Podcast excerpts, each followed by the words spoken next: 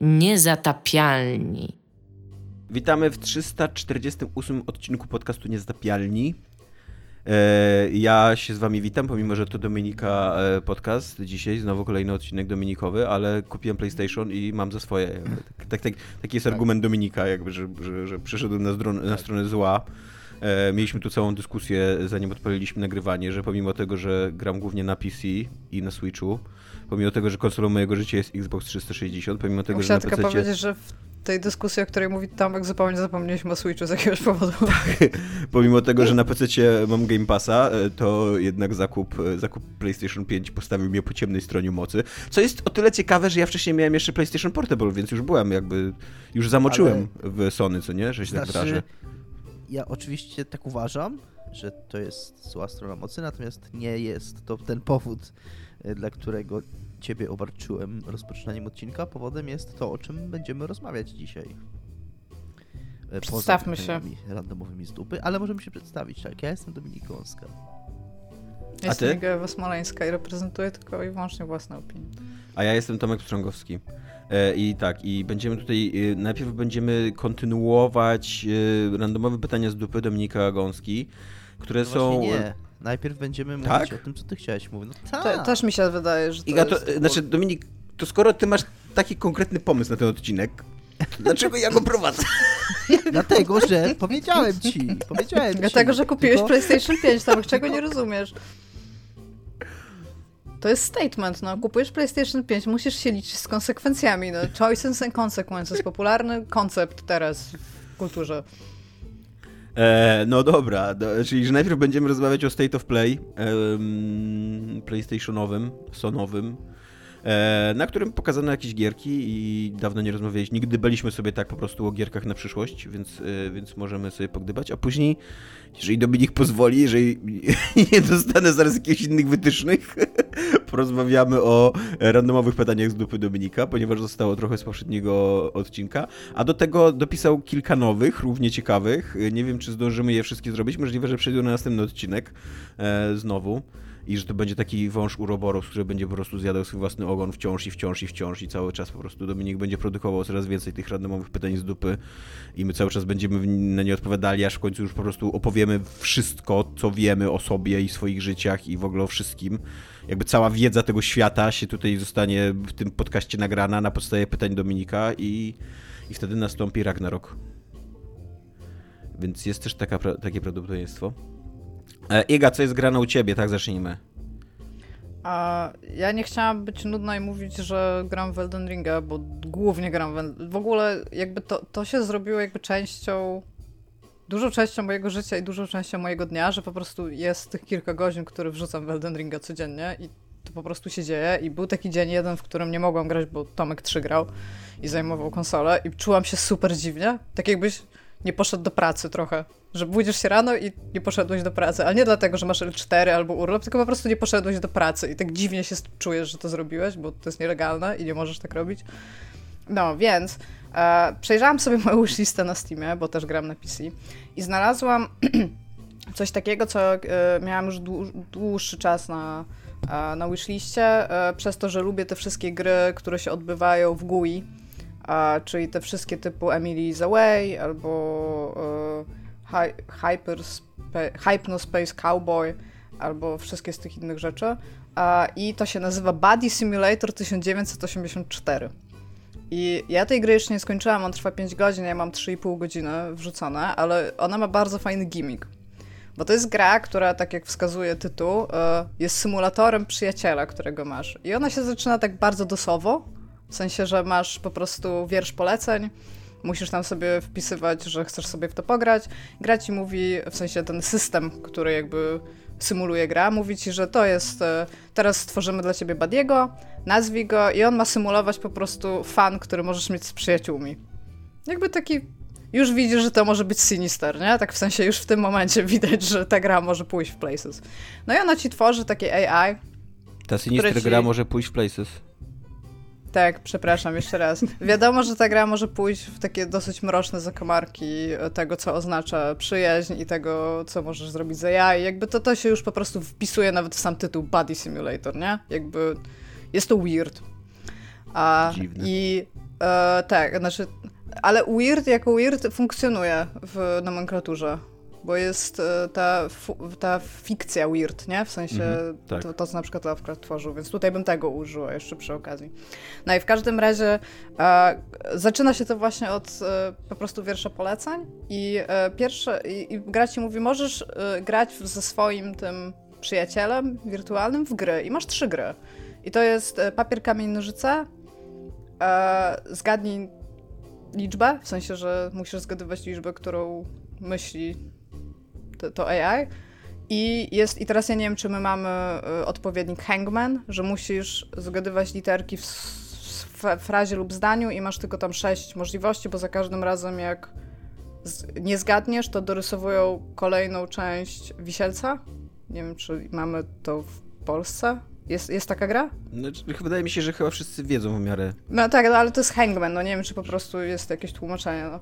E, że za no każdym no razem, jak udzielisz złej odpowiedzi, to jest dorysowana następna część szubienicy i człowieczka i jak tak, się jak, narysuje jak, całego jak człowieczka wiszącego na szubienicy, to przegrałeś. Tak. No i jakby mm, grasz sobie w to i widzisz, że oni ci... Dominik coś mówi, ale go nie słychać. Okej, okay. to ja będę mówić dalej, a Dominik będzie walczył z problemami technicznymi. A patent polega na tym, że bardzo szybko się okazuje, że jakby y, on ci daje wygrać, w sensie ten buddy, czyli na przykład jak masz Rock, Paper, Scissors i, i tam jest taka mikroanimacja rąk jakby w ASCII napisana, to na przykład widzisz, że twój ostatni wybór, jak już masz wygrać, to on zmienia swój tak, żebyś wygrał. W sensie, że ta, jego ręka szybko zmienia status, stan. I a, mówi w pewnym momencie, że dobra, to już pograliśmy we wszystkie gry, nie chcę, żebyś się nudził, ponieważ zależy mi, żebyśmy byli przyjaciółmi, więc daj mi chwilę. I on każe ci zresetować ten system wewnątrz gry. I robi ci taką... Słychać teraz. E, I robi ci słychać, taką... Słychać? E, I robi ci taką normalną grę już e, z grafiką, Chyba gdzie ty, z mikrofonem po prostu gdzie ty chodzisz fizycznie. I e, kiedy, kiedy chodzisz, to możesz rozwiązywać questy i on ci cały czas mówi, że on dla ciebie tworzy tą grę, tworzy dla ciebie tą fabułę, nie wszystko tam działa. I na samym początku, a nie, przepraszam, zanim jest grafika, to jeszcze masz taką tekstówkę starą, że tam bierz latarnię, idź do przodu, idź na wschód, idź na zachód. I ta gra ewoluuje. Ona się potem robi graficzna, potem się robi w 3D, jakby i cały czas masz, masz ten związek z tym swoim buddym, który jakby jest narratorem tej gry, ale cały czas ci podkreśla, jak to jest dobrze, jaki ty jesteś utalentowany i jak super, że ty grasz. Tam się potem robi takie JRPG-owe walki się robią. I jeszcze tego do końca nie przeszłam, ale już widzę, że jakby te, ten, to AI, ten, ten mój przyjaciel tam w środku, bardzo nie będzie chciał dać mi skończyć tej gry, bo będzie wiedział, że ja wtedy jakby odejdę i mnie nie będzie, a podkreśla znakomicie często, że on bardzo, bardzo nie chce być sam ja i bardzo się cieszy, że jestem jego najlepszym przyjacielem. Jak mi mikrofon padł i mnie nie słyszeliście i też mhm. chyba się po prostu nie nagrywałem, to Yy, chciałem powiedzieć to, co umknęło wtedy, że jak się spotykam ze znajomymi, z dobrymi przyjaciółmi, to bardzo lubimy faktycznie spędzać czas na zabawie w zgadnij o jakiej liczbie myślę. To tak. jest coś... Albo papier, kamień, nożyce, po prostu nic nie robisz, tylko to. E, plus przy okazji się pojawiają takie jakby mm, glicze w tej grze, w której ewidentnie ta, ta gra była grana kiedyś przez kogoś innego i ten AI jakby nie ogarnia tego, że są te glicze i on widzi, że ty się jakby nie ruszasz w świecie gry i on ci mówi, że ej, nie było ci 48 sekund, co się stało? A ty nie za bardzo masz jak mu odpowiadać na te rzeczy, więc on sam dochodzi do pewnych wniosków. A plus ta gra ma kilka takich bardzo fajnych rzeczy, w, w takich e, bardzo prostych trików, które bardzo fajnie są wykorzystane, bo ona pierwsza z rzeczy, o które się pyta, na przykład jaki jest twój ulubiony kolor, jakie jest twoje ulubione zwierzątko i ona potem się tego odwołuje w takich nieoczywistych momentach. I ogólnie jestem bardzo z niej zadowolona, w sensie to jest naprawdę bardzo fajny, ba bardzo fajny taki e, gimmick game, nie wiem też jak to powiedzieć, no typu jakiś Pony Island albo coś takiego. Albo Inscription. Że, albo może nie aż tak jak Inscription, bo Inscription to jest gra... To jest bardzo fabularnie stworzona taka gra. Ona nie jest bardzo mocno systemowa w związku z tym, bo w Inscription systemy są już fabularne, narracyjne jakby, nie? E, tam tak nie jest, A, ale jak na grę za tam chyba 30 zł w ogóle na Steamie, Body Simulator 1984 jest bardzo taka świeża. Pomimo tego wszystkiego, że ja chyba do końca jestem już w stanie sobie sama ogarnąć, co się stanie, jakby nie, nie muszę dalej grać, żeby ten, to ona wciąż jest, wciąż jest fan. Plus ma system walki, który ja kojarzę głównie z Mario RPG, że niby ona jest turowa, ale musisz aktywnie, rytmicznie wciskać na niektóre rzeczy na przykład. A, plus tutaj jest motyw e, z ulubionej gry Dominika Undertale, ty nie zabijasz tych ludzi? W sensie nie ma tego takiego e, jakby puzzle e, fighting game, że musisz ich jakby zmusić do kapitulacji, tylko normalnie w nich bijesz do czasu, aż sobie pójdą, tylko oni nie umierają, tylko oni stwierdzają, że jesteś tu cool, żeby z, z tobą walczyć. Na przykład jak wejdzie ci krytyk, to mówią, że tam nie będę oszukiwał, jestem pod wielkim wrażeniem twojego ciosu. I cały czas wszyscy, jako że to ten twój przyjaciel robi tę grę, to wszyscy są pod ogromnym wrażeniem tego, co powiesz. I na przykład jest taki, jest taki moment, gdzie musisz powiedzieć przemówienie, jesteś centralnie na scenie przed lud- znaczy przed postaciami w tej grze, jakby, którą stworzył ci ten AI i musisz, do, dobra, tam e, drogi bohaterze, bo jedno się mówią hero albo adventurer. E, powiedz, co mamy robić, tam, po, powiedz nam coś, co podniesie nasz moral. I ty tam możesz wpisać albo wpisać jedno tam zdanie, ja napisałam you need to be brave, z tam wykrzyknik i wszyscy byli w takim szoku, że tam genialne, teraz totalnie wiem, co mam robić, nie? I tam po prostu się czujesz taki strasznie połechtany i wiesz, że to jest bardzo nie okej, okay, w sensie jako gracz, nie? Że to, to jest takie to się nazywa y, tam w jakichś tam patologicznych y, związkach międzyludzkich bombardowanie miłością. Wszystko, co się dzieje w tej grze po prostu. Jesteś, jesteś amazing. Wszystko, co robisz jest po prostu najlepsze. Czyli dokładnie to, co robią gry tak naprawdę, nie? Tylko w mniej bezpośredni sposób. Jak, jak się to tak wyłoży jeden do jednego, to się dziwnie z tym czujesz ogólnie, że okej, okay, jakby zabiłem tutaj jakiegoś ziomeczka, być może nie jest to największy fit, jaki w życiu ktokolwiek wykonał. No, ale jest to ciekawe. Mam zamiar już skończyć. E, jest to coś odświeżającego e, po Elden Ringu, który po prostu jest jakiś ultimate grow w tym momencie dla mnie. Jakby Tymczasem mój, na marginesie... Mój Xbox to jest teraz tylko maszyna do Elden Ringa, tylko tyle. Na marginesie tego twojego monologu i naszej awantury na temat słowa weird, i tego, jak mi się rzuciłaś do gardła i wyzywałaś moją mamę i w ogóle tatę i nigdy ci tego nie zapomnę. Pamiętam to, jakby to było wczoraj, to, to naszą było dzisiaj. kłótnię. To było dzisiaj, Iga. Mam słabą pamięć. Słabo ją pamiętasz. Okazuje się, że są dwa w ogóle takie gatunki. Znaczy ja wcześniej sobie tak um, nieśmiało zdawałem sobie z tego sprawę, ale nie byłem pewien, a teraz y, wygooglałem to i rzeczywiście weird fiction, to jest to, co Iga tutaj powiedziała, to jest przede wszystkim Philip e, Howard P. P. Lovecraft. Ale jest również gatunek, który się nazywa New Weird. I to jest, tutaj przedstawicielami są przede wszystkim China Miville i Jeff Vandermeer. I więc to są jakby takie świeże, mm, dziwne opowieści fantastyczne. Mm. Więc są w ogóle, więc tak, więc masz rację, słówko Ale one są ze sobą związane, rozumiem, tak? W sensie, że jedna... Nie wydaje mi się specjalnie, wiesz, y, że... No ale właśnie, bo chodzi znaczy, mi... New Weird, New Weird zdaje się nawiązywać i sugerować wprost, że był jakiś Old Weird, tak? Którego to jest... No pewnie mają zupełnie inne założenia, ale w jakiś sposób ludzie jakby e, przez wrażliwość formy stwierdzili, że to jest jakoś mogą, mogą, może być ze sobą powiązane. Ja, znając, znając twórczość Vandermira i znając twórczość Chaina Mivilla, nie doszukuję się w niej wielu śladów Lovecrafta, o tak bym powiedział, co nie? Jakby... Ale wiesz, może to chodzi o jakieś może podejście tak. na przykład. Może tak, może takiego. jest, jest Ale... jakby... Bo co chciałam powiedzieć, właśnie mi się wydaje, że e, jak ja się zagłębiałam, no bo siłą rzeczy na akademicko musiałam zgłębiać właśnie literaturoznawcze jakby korzenie horroru, które też są weird fiction jakby bardzo mocno rozwi rozwijalne jakby, to ja nie pamiętam właśnie, żeby weird fiction, w sensie fikcja weird, żeby ona była jakoś ładnie tłumaczona na język polski. Bo ja taki samo miałam taką zagwozdkę, o to może mi, mi po, pomożecie. Ja nie potrafię znaleźć dobrego tłumaczenia słowa creep mhm. po polsku. Bo każde słowo, które sugeruje słownik, ma inny, jakby inną wagę emocjonalną w stosunku do słowa creep. I jakby właśnie weird i creep to są takie słowa, które moim zdaniem funkcjonują już w języku polskim właśnie przez to, że nie mamy dobrych odpowiedników. Ale to takie o. Znaczy, nie ja powiem tak, na pewno, na pewno słowa weird i creep nie funkcjonują w języku polskim. Tak. Tak, no ale nie Bo- mamy od, od ekwiwalentów takich, wiesz, równa się jakby, Wydaje mi nie? się również, że mamy słowa, którymi można je zastępować w razie potrzeby. No właśnie ja nie znalazłam. Nie wiem, czy możemy słowo Znaczy weird to tam znaleźć, dziwne, które... powiedzmy, no. Czy, czy znaleźć możemy słowo, które w każdym kontekście zastąpi słowo creep i po prostu będzie można podstawiać je jeden do jeden i będzie pasować, ale na pewno jesteśmy w stanie...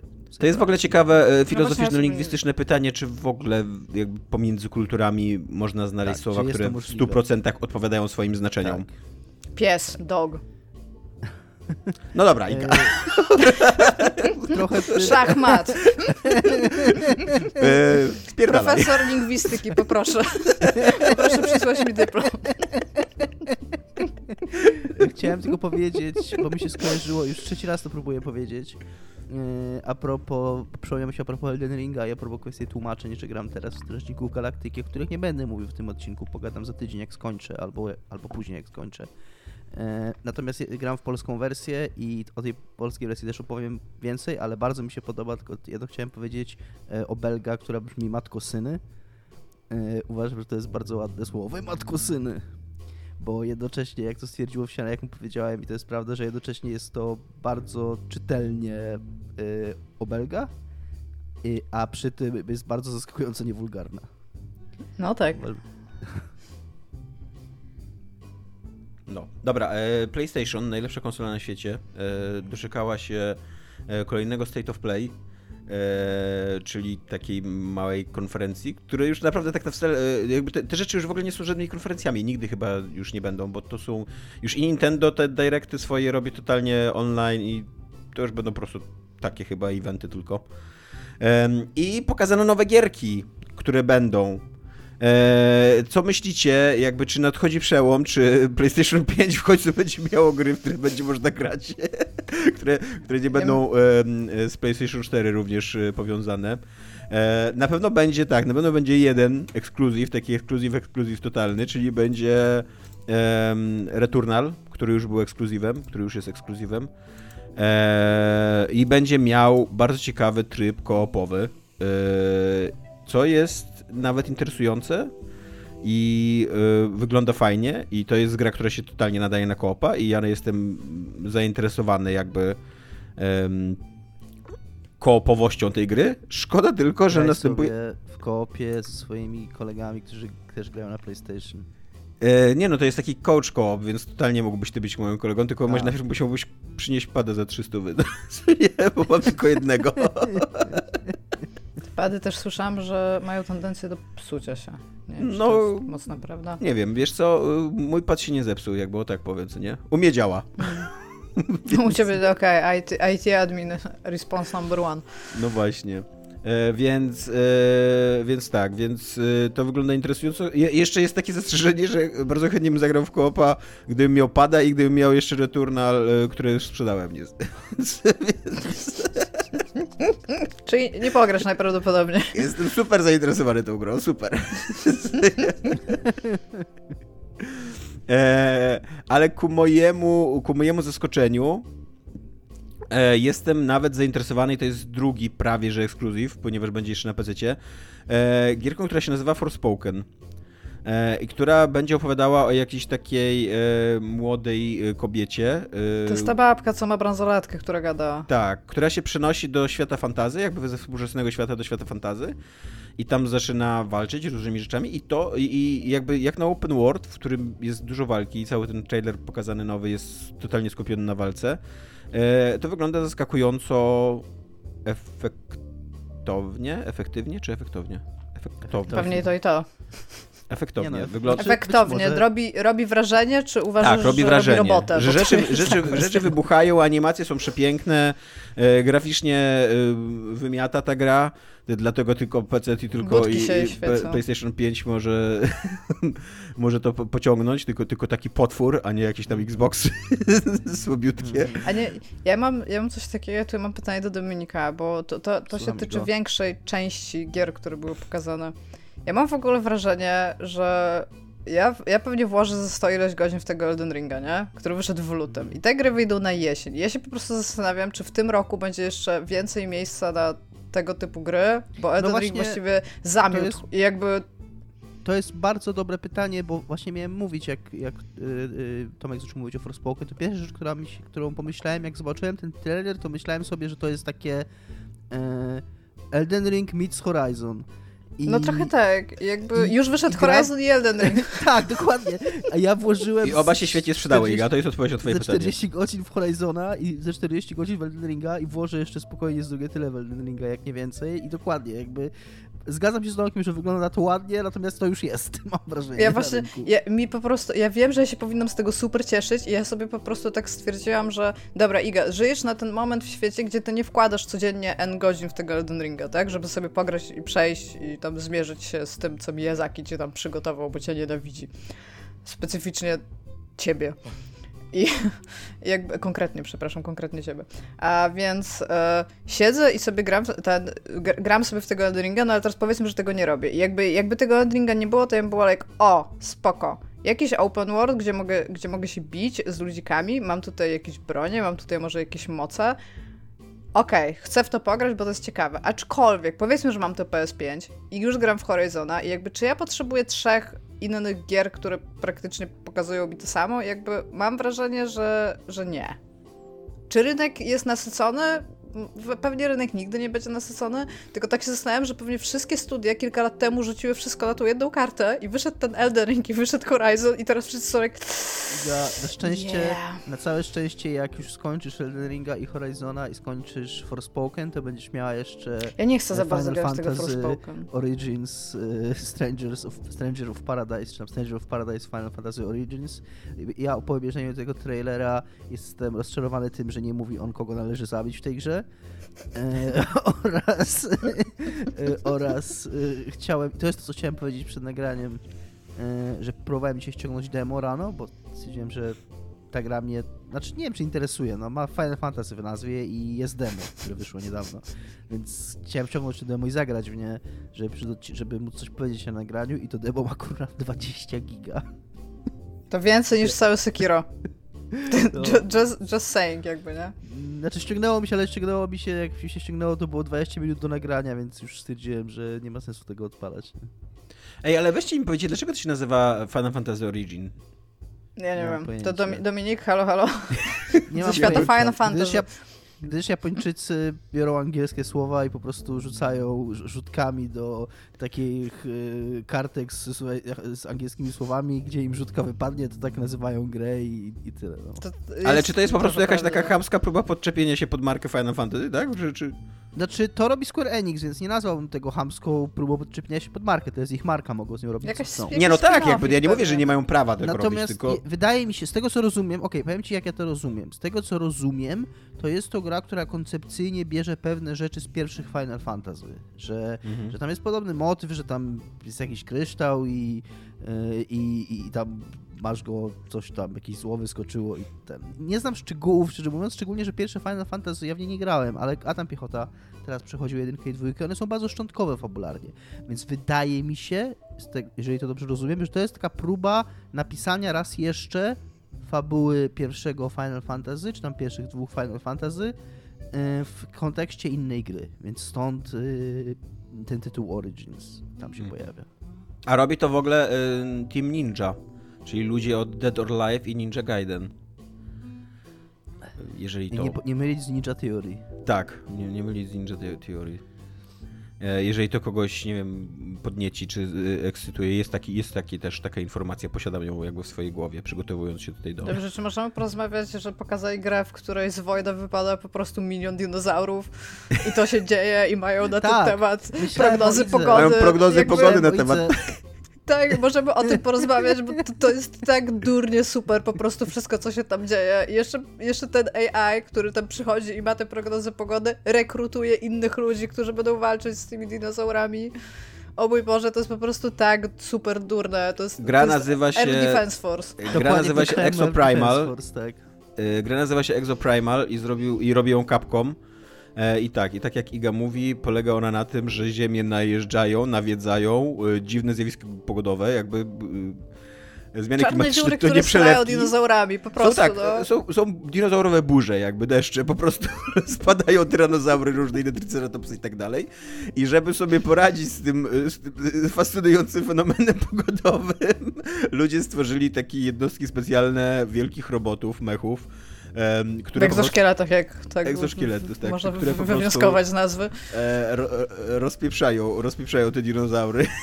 I, I również, tak jak Iga tutaj już wspomniała, istnieje taka sztuczna inteligencja, która ci zleca misję jakby rozpieprzenia dinozaurów i ona jest również pogodynką.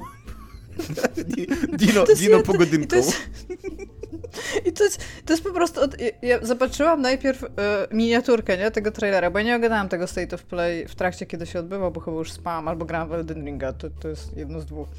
I, I byłam zupełnie niezainteresowana. I po prostu potem z sekundy na sekundę mi się zaczyna, zaczynał mi się ryj cieszyć. A jak jest ta taka scena, że ta czarna dziura się otwiera i te dinozaury po prostu spadają na ulicę, tak po prostu chmura dinozaurów spada na ulicę, to tak siedzę i tam, o mój Boże, po prostu we need this so much. Nawet sobie nie zdawałam z tego Tak. sprawy. I, Na I ten świat jest jeszcze z tym na tyle w porządku w ogóle, że oni mówią, proszę zostać w domu.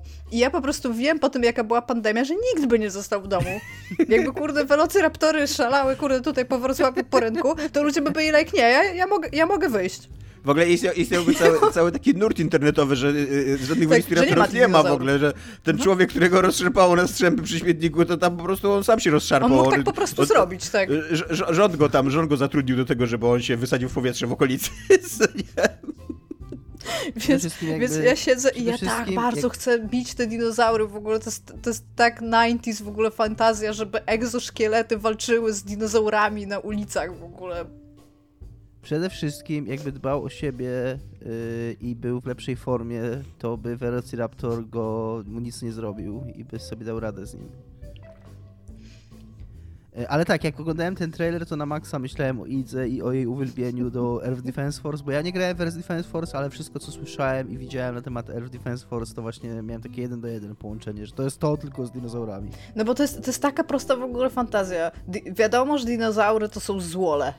Albo żłobki, jak pomawia, poma poprawia e, słownik Nie Dominika. słyszałeś tą anegdotę, Nie. Tomek, nasi słuchacze nie słyszeli, jak pisałem Idze y, o... Bo Iga coś tam roz- rozmawiałem z nią, po czym przestałem jej O odpowiadać. HBO e, rozmawialiśmy. Tak, no. i, i, i, i mówię, i odpowiadam Idze, że sorry, że ja nie odpisywałem, bo byłem oglądać, jak Robert Pattinson napierdziela y, Z Wall-E. Z, z, z Wall-E.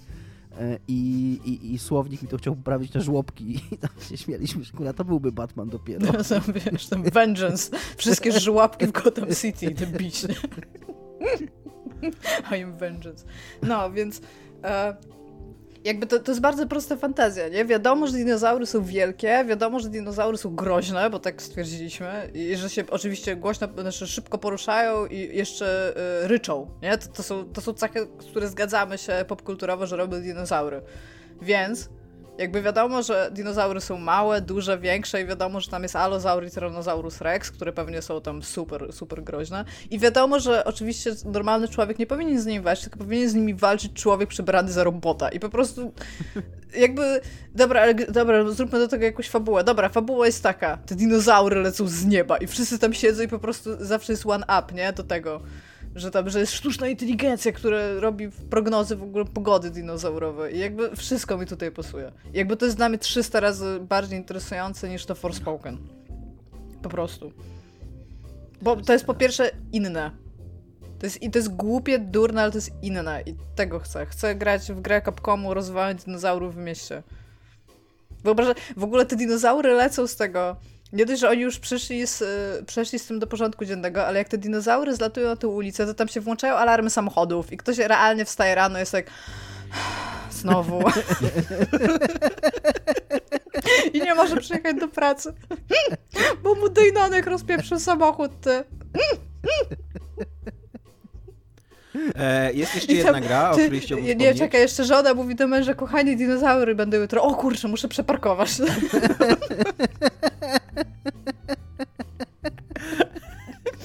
Albo wiesz, iść po chleb, nie, bo pada. To nie wymówka. Weź jak to szkielet. Z cukru nie jesteś.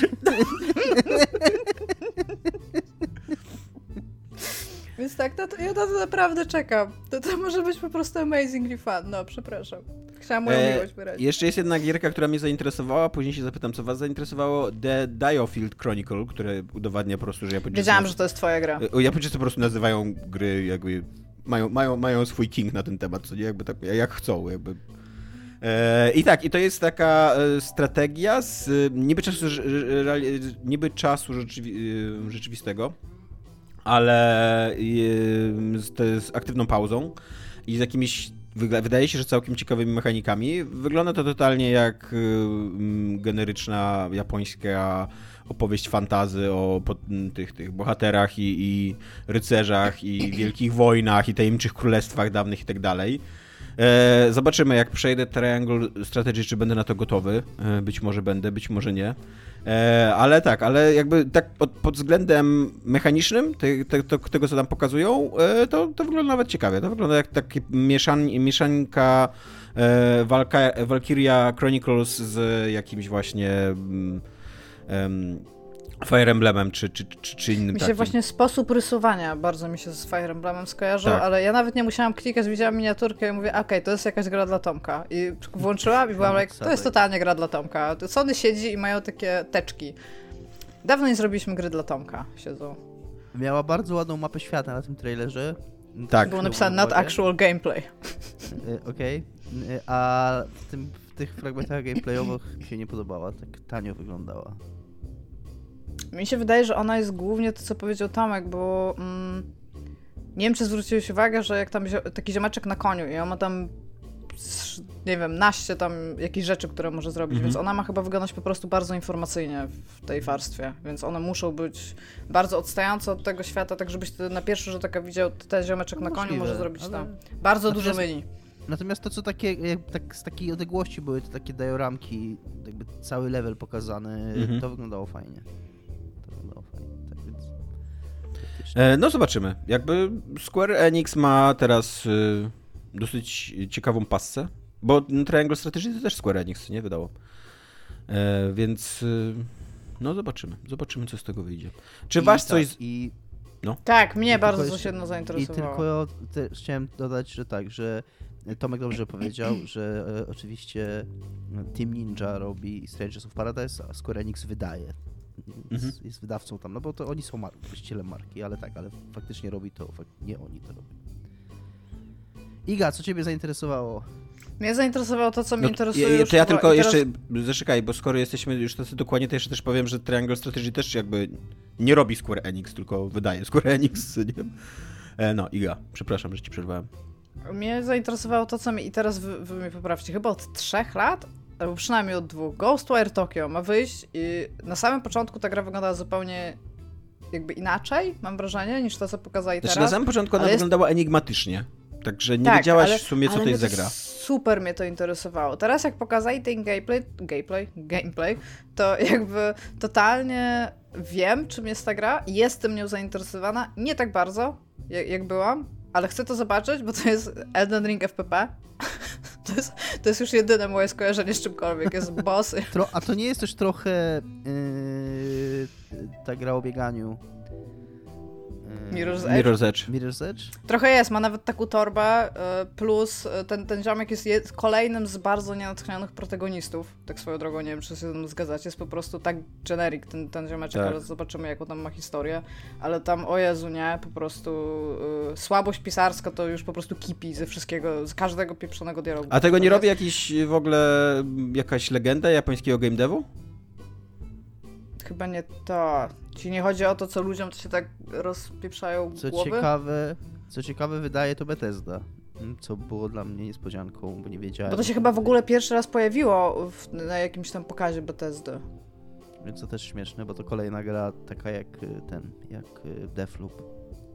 No ja jestem ciekawa, bo e, no, znaczy po pierwsze tak, jak oglądając trailer, to pierwsze te wszystkie montażowe rzeczy, to ja myślałam, że się wymiotuje. Bardzo mi się nie podobało, jak to na samym początku jest zmontowane.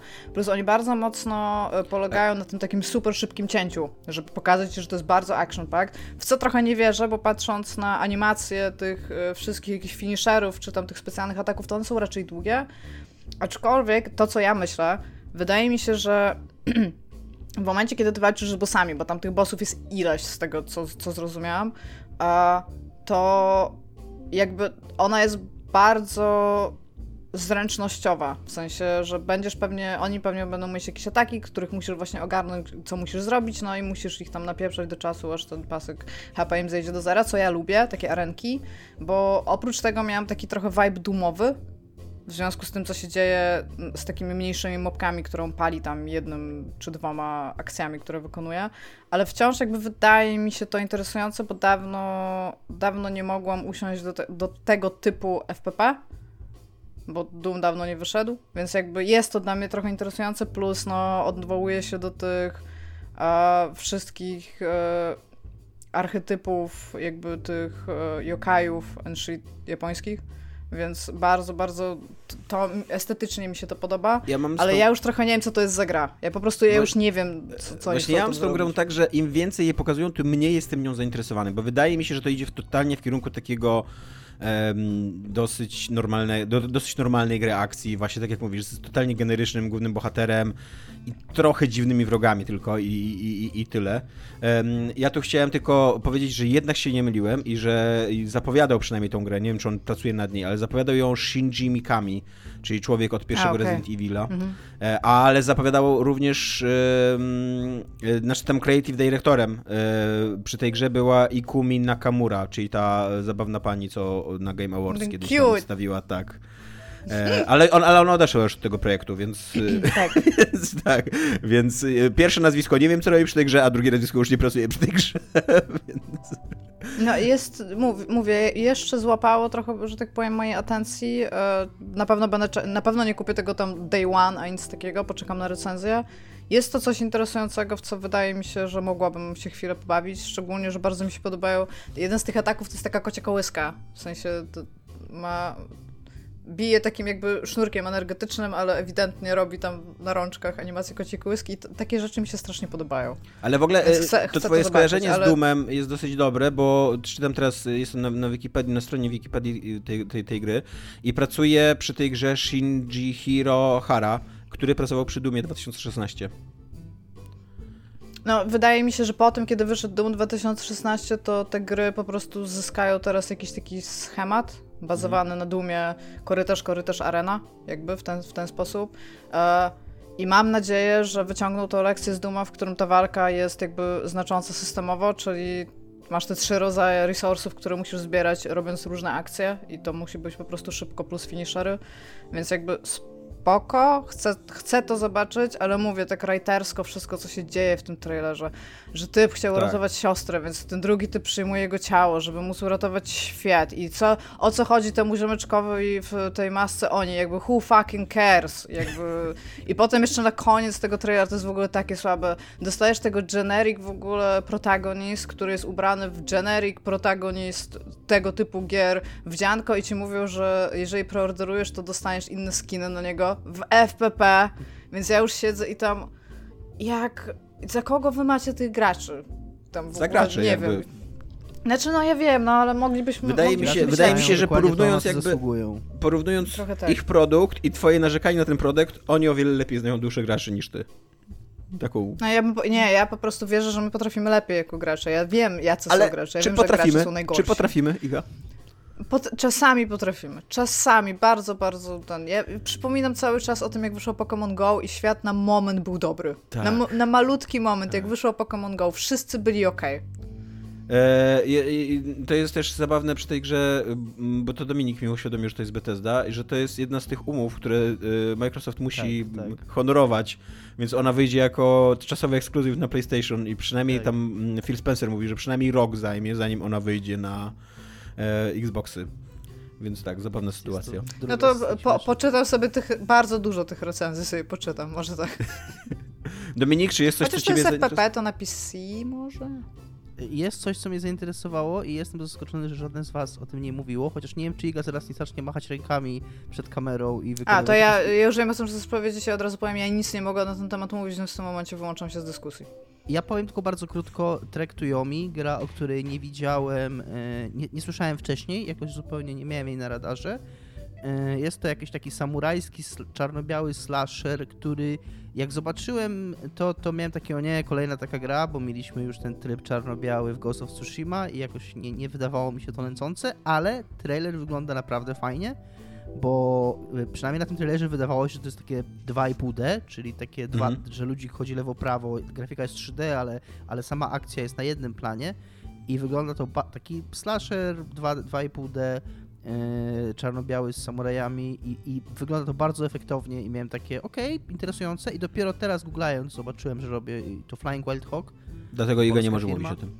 Dlatego Iga nie może mówić na ten temat. Ja też nie mam nic więcej do powiedzenia, poza tym, że, że obejrzałem ten trailer i to był jedyny trailer z tego całego pokazu, który na, miałem wrażenie, że to będzie takie właśnie pretensjonalne, a jak go obejrzałem, to miałem kurde fajne i, i, i i jestem zainteresowany, co z tego wyniknie więcej. Ja mam, y, ja mam z tą grą tak, że ją śledzę już od jakiegoś czasu i też sobie myślę, że kurde fajne to wygląda i że jest jakiś pomysł na tą grę i to jest dobre, że jest jakiś pomysł na tą grę, e, ale mam też takie odczucie, że ten, tam animacje postaci i tej walki są takie dosyć e, nie slick, jakby to powiedział Dominik, bo Dominik lubi słowo slick.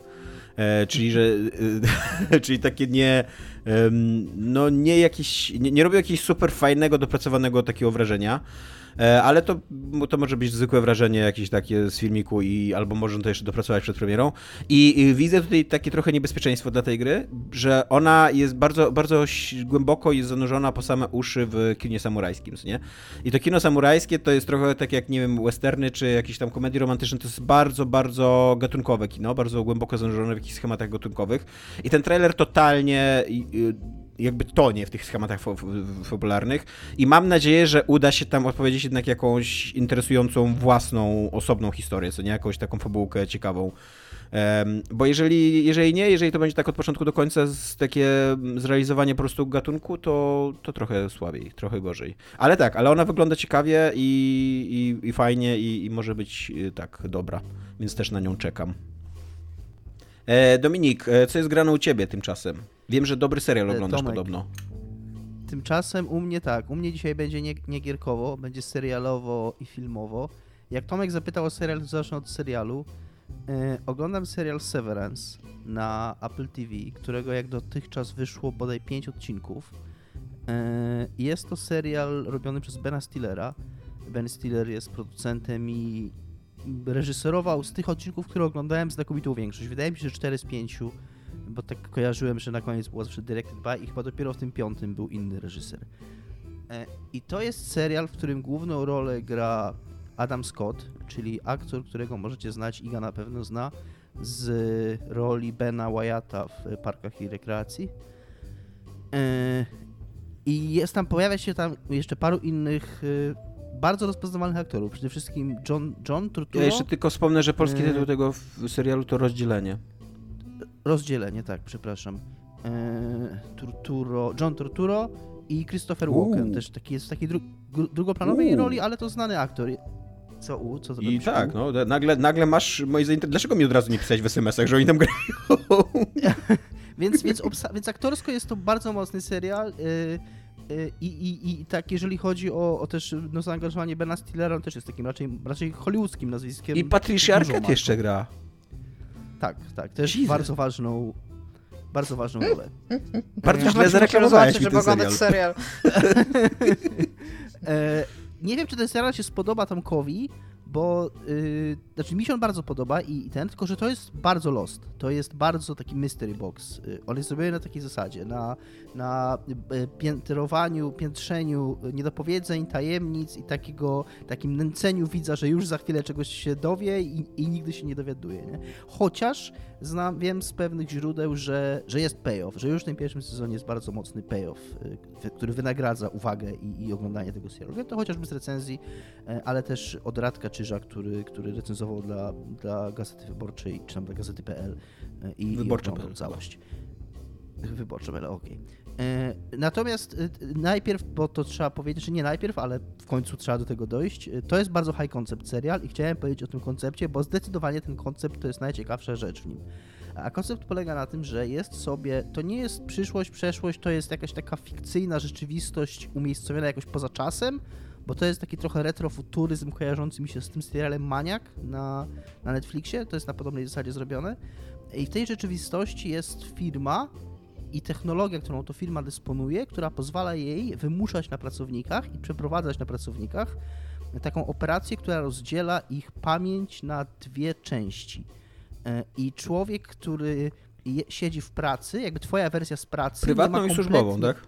Ma prywatną i służbową, osobne jakby zakładki yy, wspomnień i, i, i tożsamości, znaczy nie tożsamości, tylko wspomnień. I ta osoba, która siedzi w pracy, ona z jednej strony ma taką wiedzę powszechną, ma tą pamięć taką długotrwałą, nie, chyba długotrwałą, czyli, czyli pamięta na przykład to, czego się nauczyła. Tam jest na początku taka scena, która to tłumaczy trochę, że na przykład jak pytają kobietę, nie wiem, żeby powiedziała jakiś stan w Stanach Zjednoczonych, to ona jest w stanie wymienić jakiś stan w Stanach Zjednoczonych. Ale nic nie wie o swojej rodzinie, nic nie wie o swoim życiu prywatnym, nic nie wie o tym, czym się zajmuje poza pracą. A Jezu, jak, jak jest.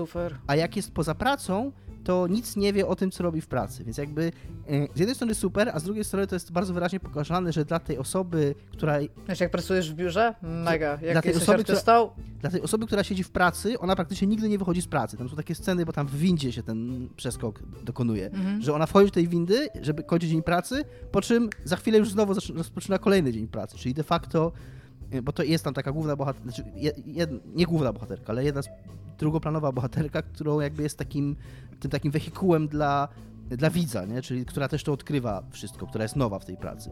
I też ona się przekonuje, że ona nigdy nie wychodzi z tej pracy, bo jak ona z niej wychodzi, to za sekundę jest z niej z powrotem, bo jej pamięć, wiesz, się wyłącza mhm. i później skakuje znowu na ten, y, na ten, na ten czas, kiedy siedzi w pracy. Więc ten koncept jest super i przy okazji tak, przy okazji jest to oczywiście bardzo świadoma i bardzo taka czytelna satyra na jakąś tam rzeczywistość korporacyjną bo też wszystko to, co oni robią w tej, w tej, w tej firmie, oni tam robią takie strasznie dziwne, tajemnicze rzeczy, których oczywiście mm, pewnie mają jakiś sens, ale my nie wiemy, jak ten sens jest. Wiem, wszystko trzymają w Excelach, co?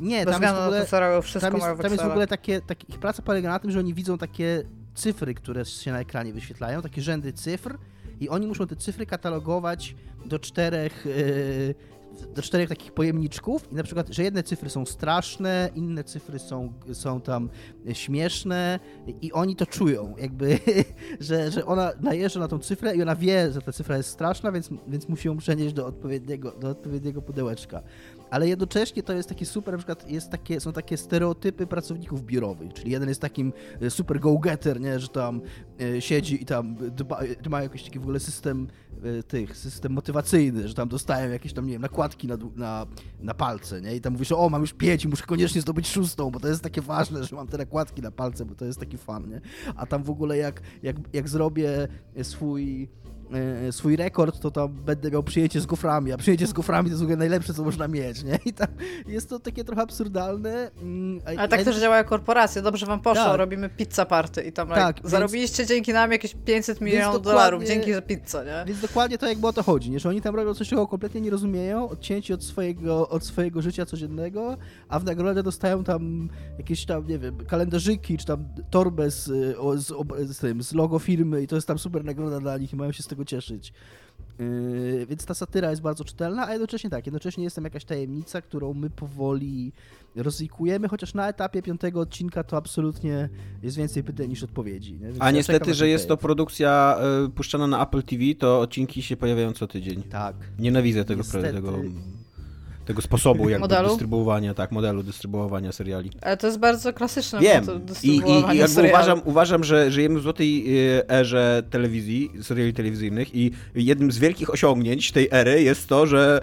E, że możesz binge-watchować. Że tak, że można binge-watchować, dokładnie, że, że sezony wychodzą w całości, że czasem, kurde, możesz do, dostęp w ogóle do serialu, który już w, cało, w całości i tak dalej, a e, to czekanie tydzień na kolejny odcinek, no nie, to, to nie jest coś, za czym tęsknię i nie wiem, co mi sprawiało frajdę. Jak, jak rozmawiałem z Radkiem Czyżem, to on powiedział mi, że on yy, by wolał to oglądać z przerwami, natomiast absolutnie zawsze jak się ma serial cały naraz, to najlepsze jest to, że można sobie podjąć, dokonać decyzję i znaczy tak. podjąć decyzję i robić tak albo tak, a jak jest serial co tydzień, to jakby decyzja jest podjęta za mnie. E, wiem, że jak ja zacząłem, to były trzy odcinki i jak obejrzałem te trzy, to było to takie ok dla mnie. Byłem usatysfakcjonowany. Być może jakby było wtedy więcej, to bym siedział całą noc. E, teraz jak, na te dwa kolejne musiałem czekać, to niestety miałem tak, że obejrzałem ten odcinek i miałem taki niedosyt, że, że chciałem, że bo ja już musiał wiedzieć, co to, o co tam chodzi, nie? Bo to tak, takie seriale tak cię jakby trzymają za ten. A on jest, to nie chodzi o to, że to się źle ogląda, bo to jest super zagrane i, i zabawne i wciągające, tylko, że się kończy i ja mam taki, że kurwa chciałbym więcej, żeby coś, coś mi powiedzieli, bo oni tak ci, wiesz, tak cię mm, skapują tymi, tymi informacjami, które mają cię, mają ci zachęcać do oglądania dalej. Ale czy są, czy są lostowe cliff, cliffhangery w tym serialu? Nie wiem, czy aż takie. Yy, szczerze mówiąc, na razie chyba nie. Ale, ale z drugiej strony się generalnie mam wrażenie, że się mniej dzieje w tym. On nie, to nie jest taki action-packed serial. To nie jest tam, że, że, że wiesz, że tam nawet nie, nie, o, tam nawet nie bardzo jest jakby miejsce na te cliffhangery, bo to jest jakby tam, tam nie ma jakiejś takiej akcji, czy, czy, czy jakichś tam, wiecie, yy, yy, yy, jakichś takich momentów trzymających w napięciu, czy coś, tylko to jest taki raczej slow burn, nie? za przeproszeniem, jakby to Iga powiedziała. To, się... to jest totalnie rzecz, którą mówię bardzo często. więc, więc nie, nie, nie było takich cliffhangerów, ale, ale no, bardzo mało wiem tak naprawdę o co chodzi w tym serialu, tak koniec końców, pomijając właśnie tą bardzo czytelną... Ale jesteś hooked na to. Jestem bardzo Jesteś hooked. schakowany na to jestem, jestem bardzo na, na Jesteś wciągnięty, na to akurat jest normalne słowo. Bez kitu!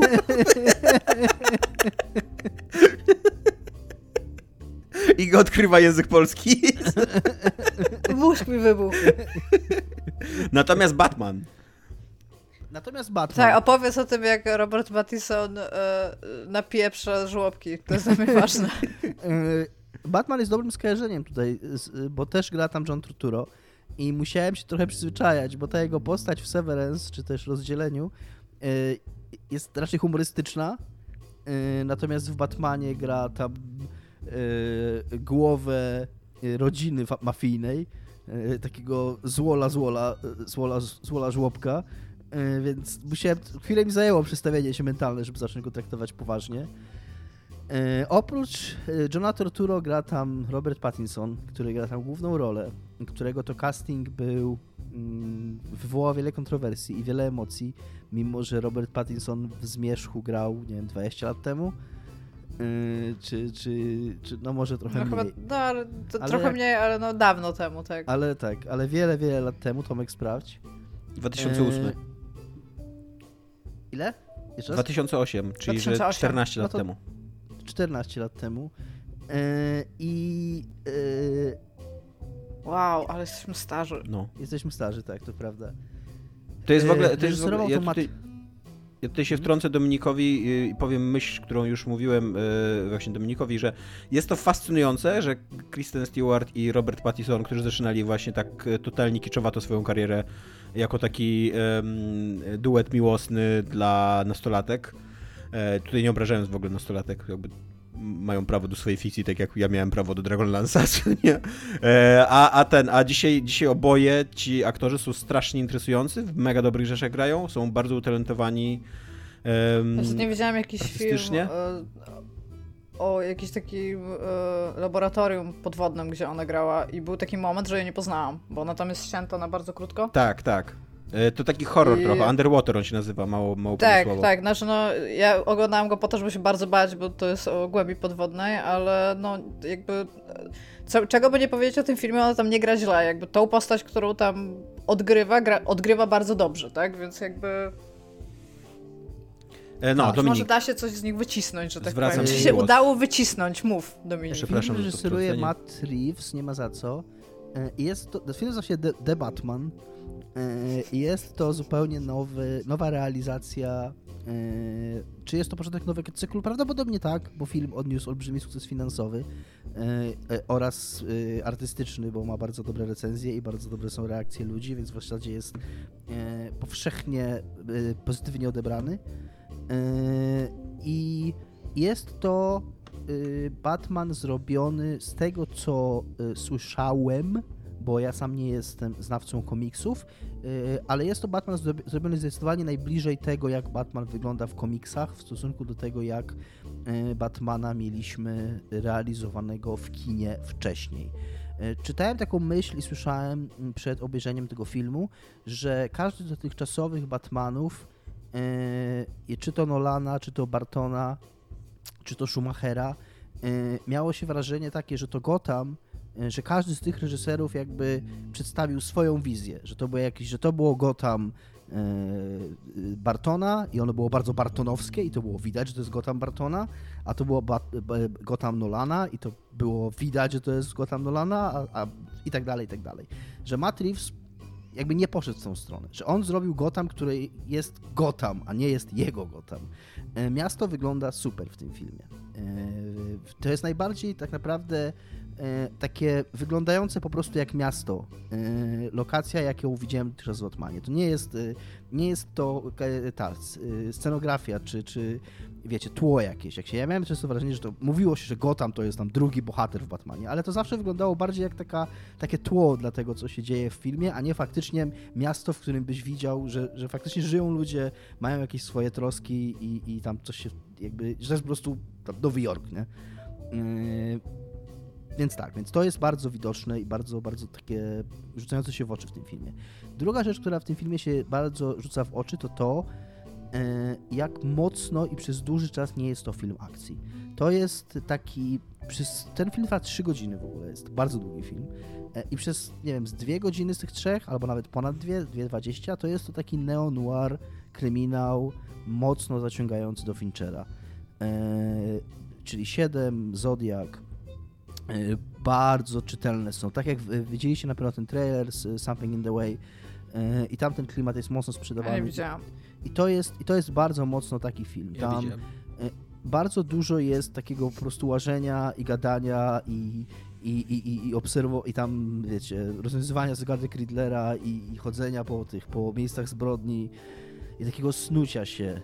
Yy przez Batmana w tych, w tych lokacjach. Czy Batman chodzi w prochowcu i pali papierosy? Nie chodzi w prochowcu i nie pali papierosów, papierosów. Natomiast jest w tym filmie, i to jest druga rzecz, y, tutaj Tomek słusznie zauważył, jak z tym rozmawiałem, rozmawiałem wcześniej, że jest to film bardzo trafnie zatytułowany, ponieważ jest to film, w którym jest bardzo dużo Batmana. To jest y, bardzo Batmanowy film. To znaczy, y, ta, te, te proporcje pomiędzy Batmanem a Bruce'em Wayne'em są bardzo mocno przychylone na stronę Batmana. Do tego stopnia, że w tym filmie w zasadzie praktycznie nie ma Bruce'a Wayne'a.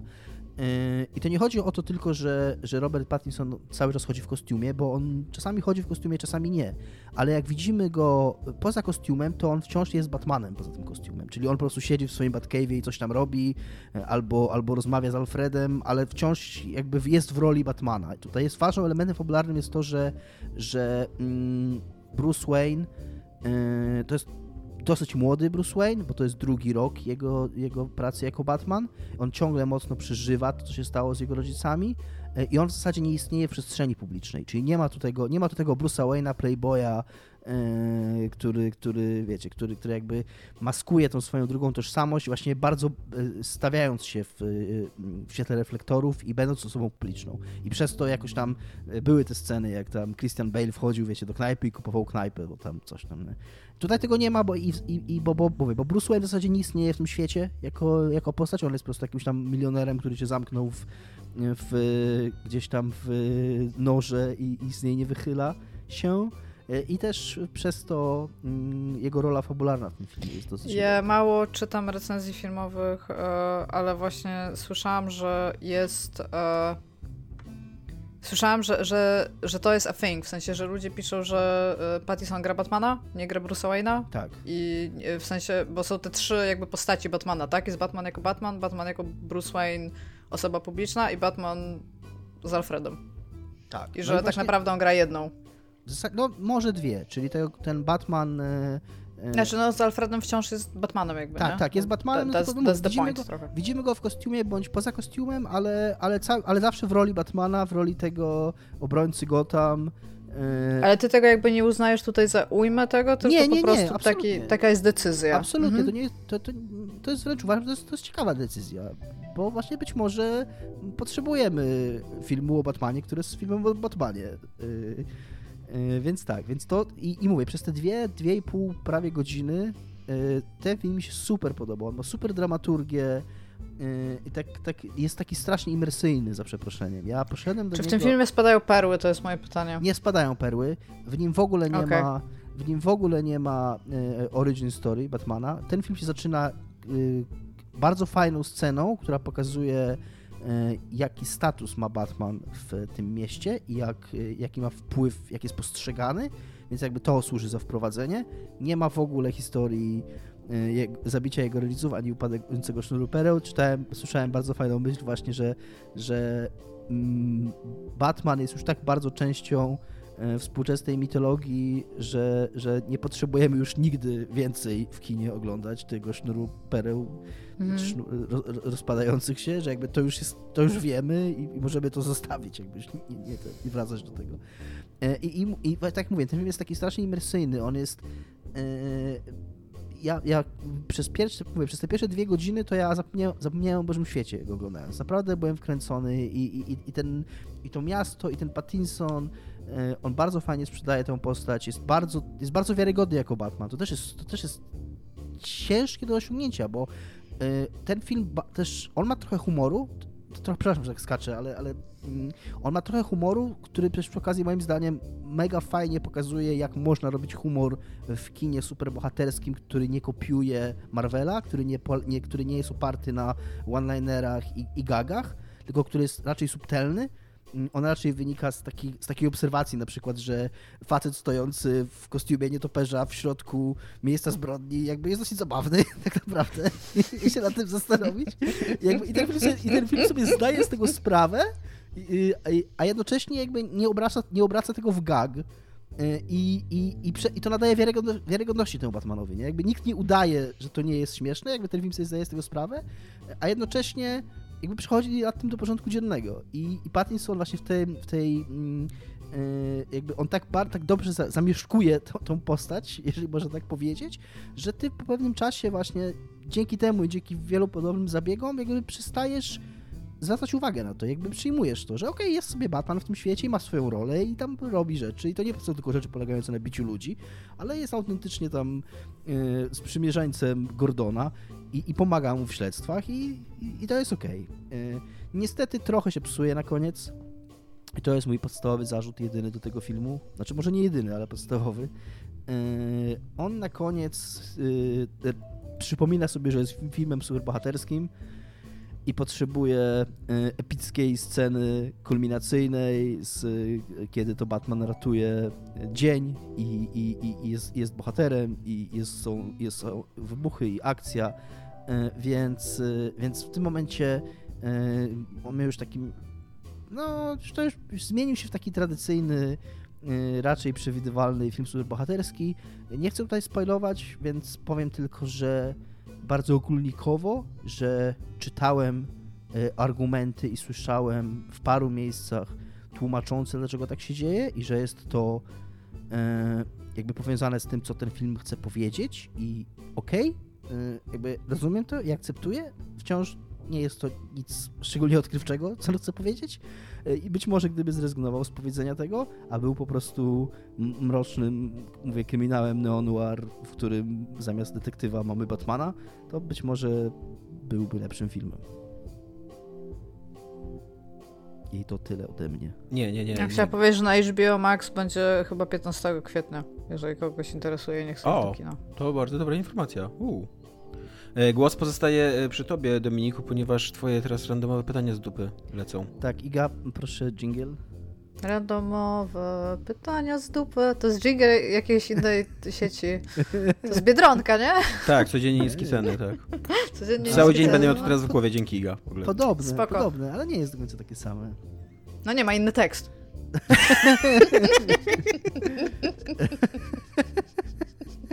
Ja już Wiedziałem, wiedziałem, wiedziałem, że coś jest nie tak z tym, z tym dżinglem.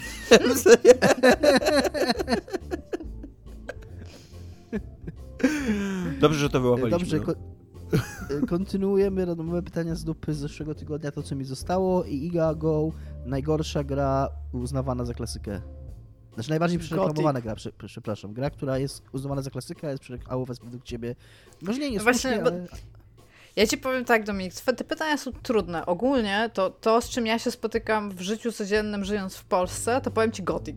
I wiemy to wszyscy z czasów gry PPL. Jakby czy ta gra była mocno reklamowana? Nie, ale miała wisiorek, jak sobie kupowałeś, kurde, Znaczy, w Empiku jeszcze w starym tym. absolutnie nie, nie należy to rozumieć dosłownie jako ilość reklam. Że za dużo reklam leciało. Tak, chodzi, chodzi mi o to, że jest jakiś w ogóle taki thing, że ludzie y, w Polsce i w Niemczech, jedyne dwa kraje, gdzie ta gra się w ogóle jest rozpoznawalna i, sp- i sp- się sprzedała jakby, e, mają jakiś taki thing, że to jest gra ich dzieciństwa, więc na, o niej nic nie można powiedzieć, bo to jest w ogóle genialna gra. I to nie jest dobra gra, ju- just saying, jakby ta gra wyszła w czasach, kiedy wszystkie gry już były lepsze niż ta gra, ale z jakiegoś powodu, i jest tych powodów ileś, i głównie to są powody ekonomiczne i dostępności po prostu, ta gra do, przedostała się jakoś tak mocno do nostalgii, że z jakiegoś utraciliśmy kolektywny w ogóle możliwość analizowania gier przy Gotiku. I pamiętacie, co mieliśmy galerię jakichś tam gier z któregoś roku, na przykład, albo jakieś tam Gdzie jest e, gry, które pamiętacie z dzieciństwa, albo coś takiego, to zawsze było, gdzie jest Gothic, po prostu, gdzie jest Gothic. Róbcie playthrough jakieś tam, nie wiem, Bulletstorma robiliśmy, że fajnie, bo polskie studia, dobra, ale czemu nie macie Gotika? Ja po prostu, Jesus fucking Christ, ludzie, weźcie wy zagrajcie w Gotika. Like literally, wszyscy ludzie, którzy nam starają się powiedzieć, że ta gra jest warta zapamiętania, usiądźcie i zagrajcie Ja znam ludzi, którzy grają dzisiaj w Gotika. Teraz w ogóle wyszło jakieś wielkie DLC do Gotika, które tak naprawdę jest nową, nowym, nowym Gotikiem, co nie? I twierdzą, że to jest super dobra gra. I się Nie jest jakby za dobra. Jest, są... jest e, LX2, co teraz wyszło też. Słucham? Też od nich. LX2 wyszedł też, też od y, tego studia gotikowego. To nie, to takich ludzi nie znam, którzy grają w LX2. tu, się, tu się kończą moje, moje znajomości wśród ludzi. No, to ja, ja w każdym razie tutaj kwalifikuję Gotika po prostu, bo ktoś musiał to powiedzieć, więc jakby wziąłem to na siebie, nie? E, to ja, ja wezmę na siebie Metal Gear Solid 4. E, wiele razy mówiłem, jest to absolutnie najgorsza gra, przynajmniej z tego głównego cyklu, bo tam nie wiem, może na jakieś PSP wychodziły i gorsze e, odsłony tej serii, ale e, Metal Gear Solid 4 to jest kiepska gra. I, I ona zebrała swego czasu olbrzymie em, e, uwielbienie takie i od fanów, i od prasy, i od krytyki i, i była uznawana za w ogóle za arcydzieło i, i tak dalej.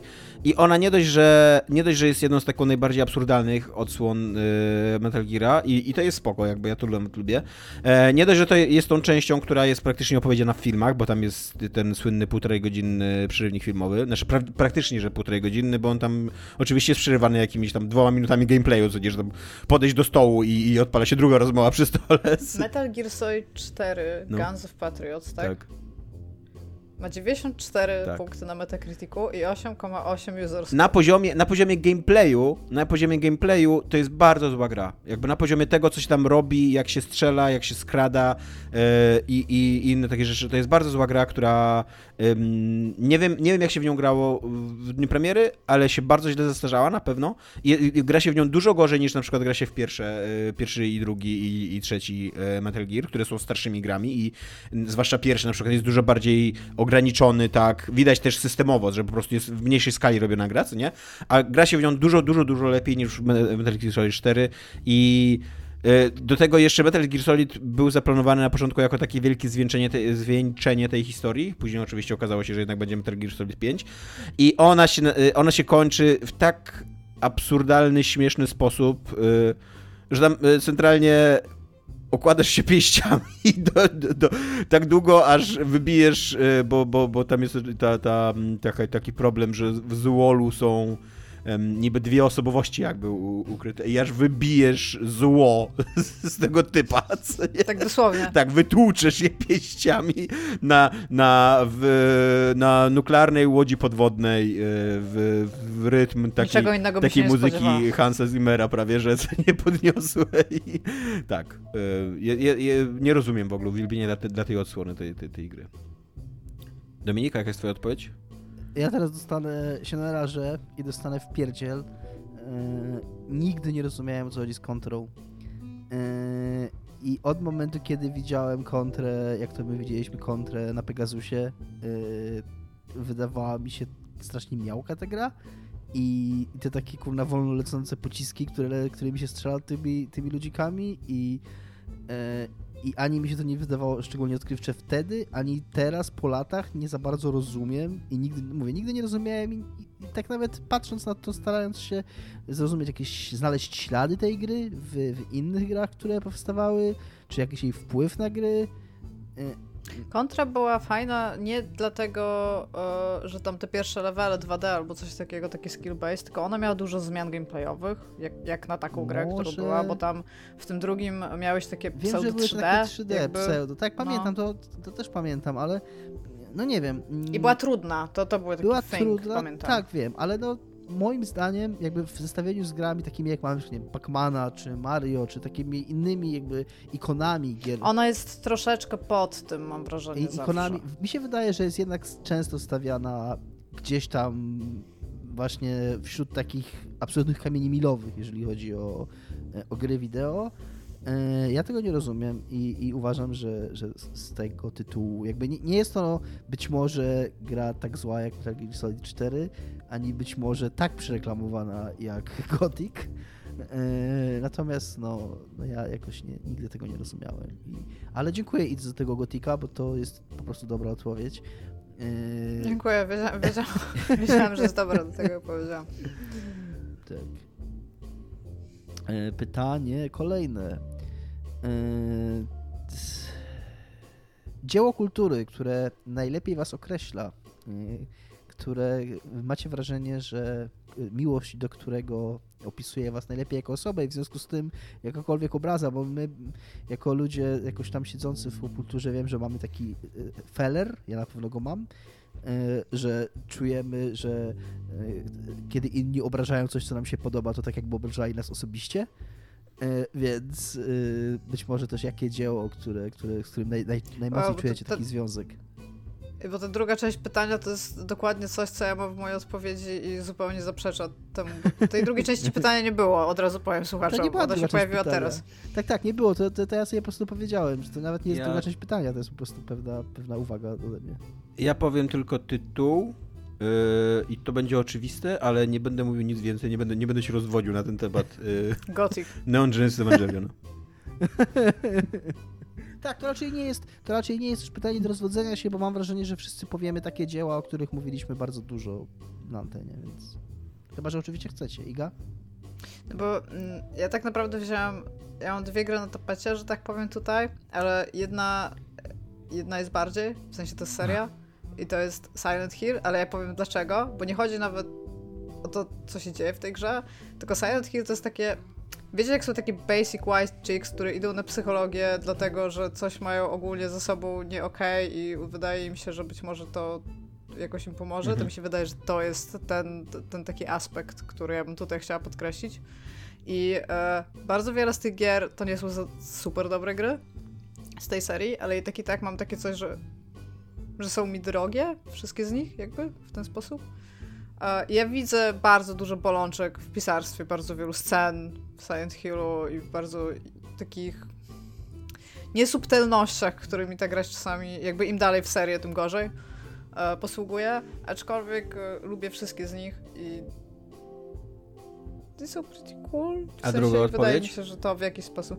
Drugą odpowiedź, jaką mam, to jest Sim Ant, ale to też głównie dlatego, że nienawidzę ludzi i miała bardzo, bardzo długą instrukcję, która była książką, którą przeczytałam chyba z 500 razy, kurde, tam, bo tam są o zwyczajach murówek, po czym odpalasz tą grę i tam połowy z tego nie ma, ale siedzisz i w to grasz. Jakby to wszystko się łączy ze mną, jakby to, ca całość tego po prostu doświadczenia, plus te wszystkie dyskietki, które były to podłączone, jakby to w jaki sposób ta gra wygląda, jak się w nią gra. I to, że w ogóle w nią gram wciąż do, od wtedy do teraz, co roku przynajmniej raz albo dwa razy ją przechodzę, po prostu jakby Wydaje mi się, że dużo to wszystko o mnie mówi. I te mrówki też dużo o mnie mówią. I to zabijanie pająków. I to, że pająk na levelu, którymś jak go już zabijesz kilka razy, ma lasery z oczu i topi mrówki. I w ogóle wsz- wszystko jest tam super, nie? Dominik Assassin's Creed dalej. Ja sobie napisałem Ubik, y, nie dziwiąc nikogo. Uważam- Ubisoft z Assassin's Creed Ubik, chciałeś Ubik. napisać. Tak, o, Ubisoft. E, Uważam, że ta książka wciąż ze wszystkich rzeczy, jakie widziałem i czytałem i z jakimi, jakimi miałem doświadczenie, być może z uwagi na to, kiedy ją czytałem, w jakich warunkach ją czytałem, ale wciąż nie uważam, żeby cokolwiek uchwyciło lepiej taki towarzyszący mi całe życie niepokój slash strach y, mm, slash przeczucie dziwności świata i, i tego, że jest coś mm, nie tak ze światem, czego nie potrafię uchwycić. Więc to jest moja odpowiedź z tego powodu. Eee, kolejne pytanie. Ja już na nie odpowiedziałem, więc trochę tutaj taki cheat mode sobie włączyłem, ale jak, jak pisałem te pytania, to mm, byłem w innej sytuacji życiowej. Eee, pytanie brzmi, ostatni film, na jakim byliście w kinie i czy było warto? Eee, jak, jak pisałem to pytanie, to duży okres mi dzielił od ostatniego momentu, jak byłem w kinie. Teraz byłem w kinie dopiero co i dopiero co o tym mówiłem, więc w zasadzie ja już odpowiedziałem na to pytanie. Tomek. Ja? Y, ja byłem ostatnio na, w kinie Żak, czyli takim małym, ofowym, że się tak wyrażę, kinie. Niezależne, nie, jak ono się nazywa? Nie niezależne, tylko kino... Studyjne. Studyjne, o właśnie tak. Studyjne, to jest to słowo. Powiedziałam już drugi raz, nie słuchasz mnie. Nie, nie słyszałem. Musiałeś powiedzieć za cicho za pierwszym razem. Że... Słyszałem tylko, że coś tam jakoś kaszlnęłaś czy coś. E, i, był, I był przegląd y, filmów Studyjne. Był przegląd filmów Wong Kar-wai'a, e, takiego słynnego, legendarnego hongkongijskiego reżysera, jednego z najwybitniejszych reżyserów. Słucham? Hongkońskiego, tak? Hongkońskiego. Hongkongskiego. Hongkońskiego w takim razie, dobrze. Reżysera, jednego z, naj, z najwybitniejszych Tak, z najwybitniejszych twórców filmowych, autorów filmowych w historii. E, I e, byłem na trzech filmach na tym przeglądzie i ostatni z nich to był Spragnienie Miłości, czyli jego najwybitniejszy film z 2000 roku. Mm, historia takiego mm, jakby kontrromansu, jakby dwoje bohaterów dowiaduje się, że ich współmałżonkowie ze sobą romansują i oni próbują w jakiś sposób rozszyfrować, dlaczego ich dlaczego ich, y, ich małżonkowie ich nie kochają, skoro są w romansie, co nie? Więc jakby próbują odtworzyć ten romans między sobą, jakby udając trochę swoich właśnie małżonków i tak zastanawiając się, czego się, czego poszukują. Not weird at all, jakby no. Wiesz co, to, to jest tak, jak o tym opowiadam, to jest dziwne, ale w tej, film, w tej fikcji i, i w tych bohaterach jakby to się totalnie broni, co nie? E, I, I to jest film, który ro- rozgrywa się w Hongkongu lat 60., jest bardzo głęboko zanurzony w realiach historycznych. E, I jest świetny kostiumowo, w ogóle tam jakieś cudowne rzeczy się dzieją z suchnią głównej bohaterki, których tam chyba z 30 ma w tym filmie po prostu. Takich tradycyjnych hongkońskich albo chińskich kreacji. E, I, I jest to tak, jest to absolutnie niesamowity film. Super się go oglądało, mega smutny, taki kurde 12 na 10 smutny. E, Jest to przy okazji totalnie taka klasyka kina. Ja nigdy nie oglądałem filmów Wong Kar-wai'a, teraz obejrzałem już trzy, więc czuję się jakoś tam kompetentny w tym temacie, już jest okej. E, I tak, i, i to, to, był, to był ten film. Iga? Ja nie lubię chodzić do kina. Nie lubię doświadczenia kinowego. Raz na jakiś czas, właśnie tak jak Tomek mówi, jestem w jakimś e, kinie studyjnym i oglądam tam albo jakieś filmy dokumentalne, albo w ogóle filmy, które znam już bardzo dobrze, ale pierwszy raz mogę je obejrzeć w kinie. Na przykład tak Odyseję widziałam też w Żaku zresztą. E, I bardzo długo o tym myślałam, kiedy ja ostatni raz w ogóle byłam w kinie. I jakby wiem, że zdarzyła się pandemia, więc tym bardziej nie chciałam chodzić do kina.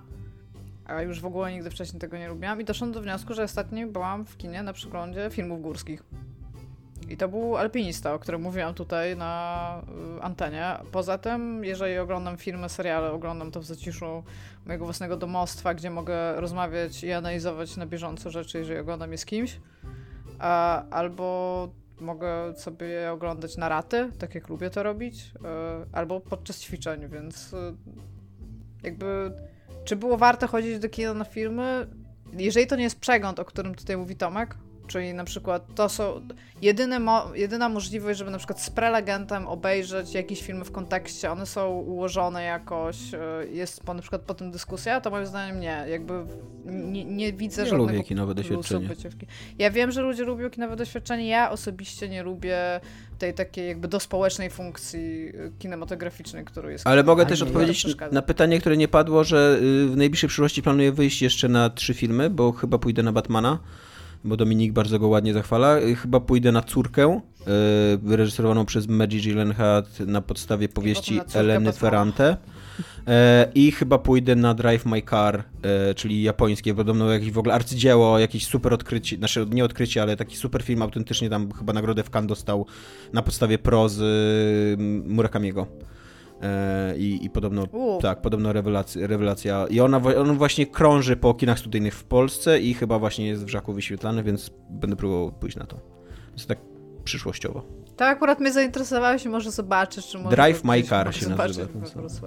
Ja z kolei też nie rozumiem, jakby lubię, lub bardzo lubię chodzić do kina, ale nie z tych z jakichś powodów, jak to Iga powiedziała, do społecznych, tylko to też chyba mówiliśmy, ale ja najbardziej w kinie, bo ja też jak oglądam sam coś w domu, to przerywam, wychodzę do toalety, wychodzę sobie po coś do jedzenia i generalnie jestem mniej skupiony, a w kinie właśnie lubię to, że ono wymusza na mnie i że to jest taki narzucony y, porządek prawny, że mam zamknąć ryj, siedzieć i się gapić i nie ruszać i, i ten, Mnie to strasznie męczy, bo ja potrzebuję robić staw. Jakby jak ja mam siedzieć w ciemnej sali Ja- i się gapić, to ja czuję Ja po właśnie się prostu... cieszę, że nie mogę robić stafu, jak jestem w Tak, kinie. dokładnie tak A jak ja potrzebuję, ja się nie cieszę, mnie, mnie to rozsadza od środka w ogóle. Mnie I do tego ja bardzo jestem zwolennikiem tego, już zresztą o tym rozmawialiśmy, co nie? Bo cały odcinek o tym mieliśmy, o rytuale. Ja jestem wielkim, wielkim fanem rytuału właśnie kinowego, tego, że to jest ciemność, że to jest takie jakieś wspólnotowe doświadczenie. O ile oczywiście to wspólnotowe doświadczenie nie zostanie wywrócone przez jakiegoś debila, który tam będzie gadał, rzecz za tobą, nie? Ale że, że jest taka, inty, taka zbiorowa intymność o, podczas seansu filmowego, co nie? Że takie wspólne przeżywanie pewnych emocji. I jak film wyląduje i publiczność wyląduje, to to jest magia moim zdaniem, co nie? To super to lubię. E, Iga, najgłupszy tekst kultury, który kiedyś uważałaś za mądry, a teraz już tak nie myślisz.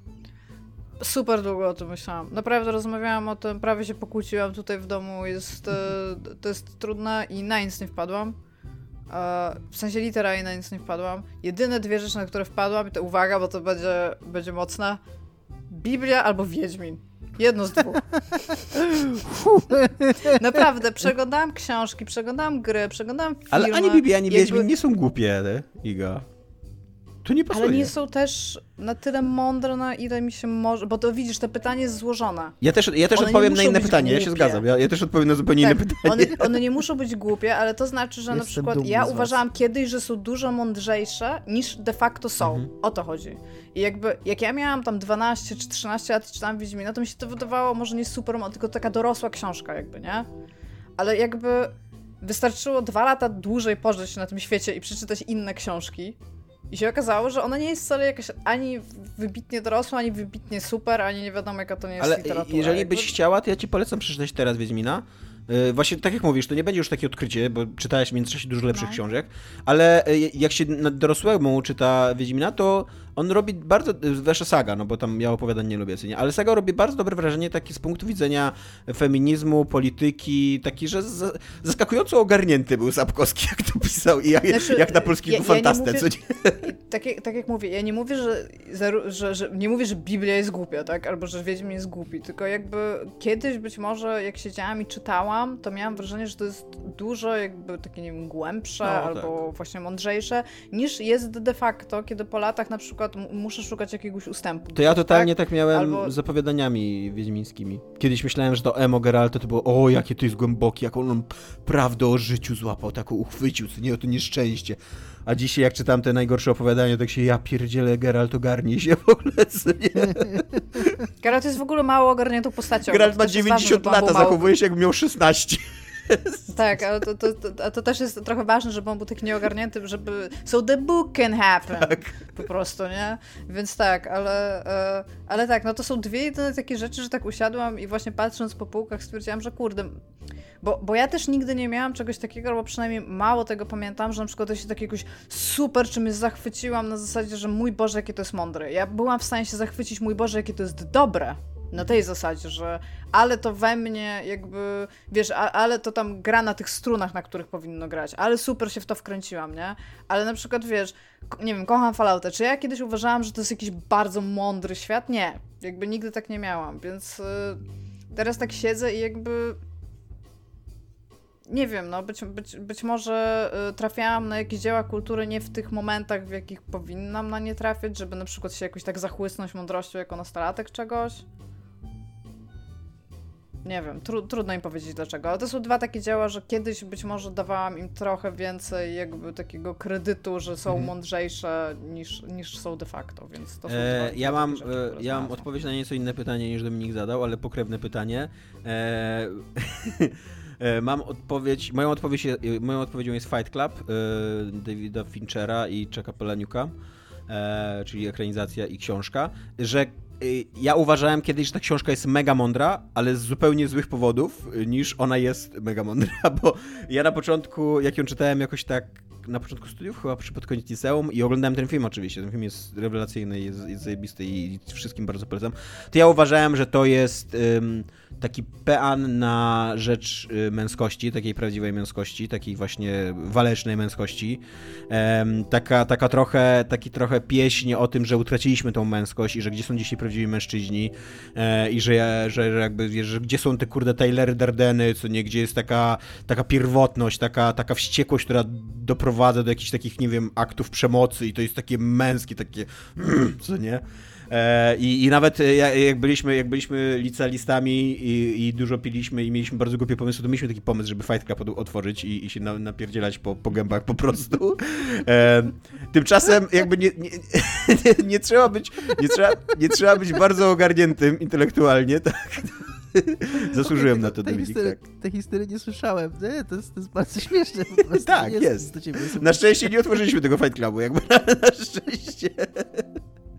E, nie trzeba być, nie trzeba być... Nie wiesz, czy na szczęście, Tomek. Nie, nie, nie trzeba być nie bardzo ogarniętym intelektualnie, ale najwidoczniej bardziej niż ja byłem jako nastolatek, żeby, od, żeby zobaczyć, że Fight Club jest y, no, tekstem, który bardzo potępia tą męskość. Jakby, że Tyler Darden to nie jest pozytywny bohater, y, że y, cała, cała właśnie cała ta taka, taka pustka, taki, nie wiem jak to nazwać, taka... Mm, takie nieszczęście e, dobrze usytuowanego białego mężczyzny, który ma w życiu wszystko, dobrą pracę, świetne mieszkanie, właśnie wypełnia jej ta, ta, taka jego takie nieszczęście wynikające z jakiejś takiej pustki egzystencjalnej prowadzi do e, faszyzmu i tam jest, tam jest cały ten proces opisany, jak powoli ta przemoc eskaluje, jak oni tam zakładają organizację terrorystyczną i, i centralnie na końcu, zwłaszcza filmu, bo, bo, bo, bo wciąż tego nie ma, centralnie na końcu filmu doprowadzają cywilizację do ruiny, jakby no, wywołują, wywołują kataklizm na skalę światową, tylko po to, żeby udowodnić, że są wielkimi facetami prawdziwymi i że nie podoba im się właśnie ten taki zgniły kompromis klasy średniej, co nie? Który, gdzie ten zgniły kompromis klasy średniej dostarcza y, jedzenie, y, żyć, miejsce do, do spania y, i w miarę szczęśliwe, ustatkowane życie milionom ludzi, jakby jest takim jakimś, jakimś takim gwarantem spokoju i, e, i równowagi, co nie? A oni, oni to wszystko wywracają, bo się tam czują niezrealizowani jako samce, co nie? E, I, I tak, i jak dzisiaj wciąż uważam, że Fight Club jest y, super dziełem, ale z zupełnie innych powodów. Jakby, co, tak totalnie o 180 stopni. Totalnie to była książka, którą po prostu bardzo źle przeczytałem. Co nie są takie, są takie teksty kultury, ym, y, które, ba, które łatwo źle odczytać. Nie tak samo jak Lolita jest takim tekstem kultury, nie? E, i, I totalnie miałem tak z Fight Clubem, że, że wpadłem w tą pułapkę i, i uwielbiałem tą książkę z bardzo złych powodów, a dzisiaj ją uwielbiam z dobrych powodów. Chociaż być może za 10 lat twierdzę, że nie. Zobaczymy tak, co powiesz tak. za 20 lat. Ja, ja, ja, ja już chciałem powiedzieć... Dobra, ja mam teraz dla was pytanie, jeszcze, czy my otwieramy Fight Jeszcze Dominik nie, nie odpowiedział na to pytanie. nie, nie otwieramy. Nie, nie, no come nie otwieramy, bo mi skupisz on, dupę no i będzie... No weź, Tomek. No weź, ze mną nie Będzie wstyd na całą wioskę, że, że, że baba mnie pobiła. Ja mam bardzo krótką odpowiedź na to pytanie i nie będę się rozwodził na nie. Moja odpowiedź na to pytanie składa się z dwóch słów. Mein Kampf? Big. Heavy Rain. Uf. Szanu, szanuję, że zrobiłeś to pytanie tylko po to, żeby zrobić self-burn. To jest... Niestety ja Halo Kraku, oddziew jak... poparzeń? Tak, to znaczy ja nie wiem, czy ja muszę mówić. Doszło do samozapłonu. Wiele razy nie, nie było musisz. o tym w podcaście, więc, więc tak. Tomek, e, kolejne pytanie z dupy, e, które brzmi e, gra lub jakieś inne dzieło kultury, które bardzo lubicie, e, a i z jakiegoś powodu uważacie, że e, słuchaczy, bądź nas, bądź wszystkich tych wymienionych zaskoczy ten fakt? E, to jest w ogóle trudne pytanie, bo ja i ty, bo Iga, Iga, trochę krócej jest w projekcie podcastowym, ale ja i ty nagrywamy ten podcast, znaczy tak. w ogóle podcast, już jest 12 lat. tak będzie, więc, więc ludzie, którzy nas słuchają od 12 lat, wiedzą o nas bardzo dużo rzeczy. To jest trochę krępujące, jak ja sobie tak uświadomiłem, że że być może ja nie mam żadnych... tak samo, że tam tak. już oporno gadaliśmy o hentajach, o wszystkich guilty pleasures, po prostu jakby co, co więcej, co więcej Że być może nie mam, nie mam takich rzeczy, które jeszcze zaskoczą kogoś jakby w sobie ukrytych, e, ale mam coś, e, mam taką odpowiedź którą, o rzeczach, które lubię i które są, wydaje mi się, bardzo sprzeczne z moim, moją osobowością i moimi poglądami. Przemoc wobec kobiet. Nie. nie, nie. Gorzej, gorzej. Gorzej. Neokonserwatyzm. bardzo lubię, bardzo lubię e, serial e, 24 godziny i gry Splinter Cell Conviction i Blacklist. E, bo one są praktycznie, że ekranizacją 24 godzin, nie? To... E, I to, to, są gry, to, one, to są super gry, w które mi się super gra i bardzo je lubię i to jest super serial, który jest super serialem i bardzo go lubię, ale to są dzieła kultury o tym, że, że przemoc działa, jakby, że, że ludzi trzeba torturować, że trzeba najeżdżać inne kraje, że, że ta taka amerykański imperializm jest uhu, hurej, jakby tam trzeba, e, że trzeba mordować ludzi na świecie, właśnie, że takie kowbojskie decyzje podejmowane w ogniu e, walki są, są, są naj, najlepsze. Taki też jest w ogóle Call of Duty, co nie? Też, że tam tylko, tylko ludzie, którzy naprawdę byli na wojnie mogą tam podejmować takie decyzje, co nie? Właśnie nie, właśnie nie. Podobamy w ogóle demokrację, co nie? Żeby, żeby to nie ci ludzie to podejmować te decyzje, E, I... 24 e, godziny w ogóle jeszcze do tego ma bardzo, bardzo taki mroczny cień, moim zdaniem, rzuca na, na, sam na siebie, bo to jest serial, który odniósł gigantyczny sukces i w bardzo złym momencie historii, bo on po zamachach 11 września jakby rozkwitł, tak, i, i, i jakby dzięki temu, dzięki tej, temu samemu takiemu klimatowi antyterrorystycznemu i całej tej wojnie z terrorem, którą Bush ogłosił, on, on stał się takim e, e takim hitem. E, I to, co tam robi Jack Bauer, to jak on traktuje więźniów, jak on ich torturuje, to jak, jak tam są przedstawiane takie sytuacje, że że, spra- e, że takie decyzje o mm, wagi życia i śmierci, przetrwania czy nieprzetrwania tam miasta, czy kraju, czy, czy, czy, czy życia prezydenta podejmuje się w ciągu sekundy e, i trzeba do tego torturować ludzi i oni wtedy odpowiadają ci, jakby, wiesz, wyjawiają ci takie sekrety o wadze bezpieczeństwa narodowego. Podobno, podobno nawet ludzie, którzy właśnie brali udział w tym niechlubnym programie torturowania Amerykan, którzy Amerykanie Amerykanie w, tam w, w tych tajnych więzieniach na całym świecie e, prowadzili, również w Polsce. To chciałbym przypomnieć tylko, że, że również byliśmy chujowi i jakby bardzo często o tym zapominamy. E, podobno, podobno ludzie, którzy torturowali ludzi, bardzo często byli szkoleni za pomocą postaci Jacka Bauera. Jakby, że, że oni są takimi ludźmi, tak mi się tłumaczyło, że oni, że tutaj e, wy zadajecie cierpienie innym, ponieważ tak jest, taka jest waga jakby tego, co możecie, co możecie wydobyć. E, jest bardzo dużo robionych doświadczeń, znaczy badań na temat tortur. E, tortury są fatalnym e, środkiem wydobywania informacji. Są absolutnie niewiarygodne te informacje, które się wydobywa za, za pomocą tortur, ponieważ torturowany człowiek powie wszystko, byle przestać, byle, byle przestać być torturowanym, więc po prostu powie to, co torturujący chce usłyszeć. I prawdziwa praca wywiadu jest dużo mniej sexy, dużo mniej spektakularna i E, no ale, ale niestety jakby jest we mnie jakiś taki właśnie przyczółek neokonserwatywnego fana, który lubi po prostu jak Jack Bauer e, e, biega z tym pistoletem, strzela do ludzi, torturuje ich i podejmuje te decyzje w, w ułamku sekundy, co nie? Więc to jest moja odpowiedź. Iga? Iga? A ja, tak jak powiedział Tomek, bardzo długo myślałam o tym, co mogłoby w ogóle kogokolwiek zaskoczyć. To by musiał być taki news typu tak naprawdę uwielbiam filmy Marvela, albo gram w Assassin's Creed, aż się nie pożygam. No, albo kocham FIFA. Tak? To, to by musiało być tego typu confessions, co nie jest prawdą. Ja bardzo dużo jakby mówię wam, hens naszym słuchaczom o tym, co się u mnie dzieje i jakby widzę powód, dla który, że można rozmawiać o wszystkich tematach, więc jakby nie mam jakiegoś takiego tabu. Więc ja trochę odwróciłam te pytania i e, doszłam do wniosku, że e, ja uchodzę jako jakaś tam osoba w, w takiej no, świadomości jakby osoby, która mnie nie zna, może w ten sposób. I doszłam do wniosku, że powiem o jednej rzeczy, którą nie lubię, a którą mam wrażenie, że łapie się jakby w taką w taki worek czegoś, co można o mnie myśleć? Ma to sens? Czy odpowiesz na nie inne wiem. pytanie? Odpowiem na pytanie, jakby. jakby czego nie lubisz, a na Czego nie lubię, tak? tak? A i co może zaskoczyć? I ja mu tutaj chciałam powiedzieć, że ja bardzo nie lubię broni palnej. Azin. Ja się wychowywałam e, w domu, e, gdzie była broń palna, w sensie legalna. E, było jej dużo, co więcej.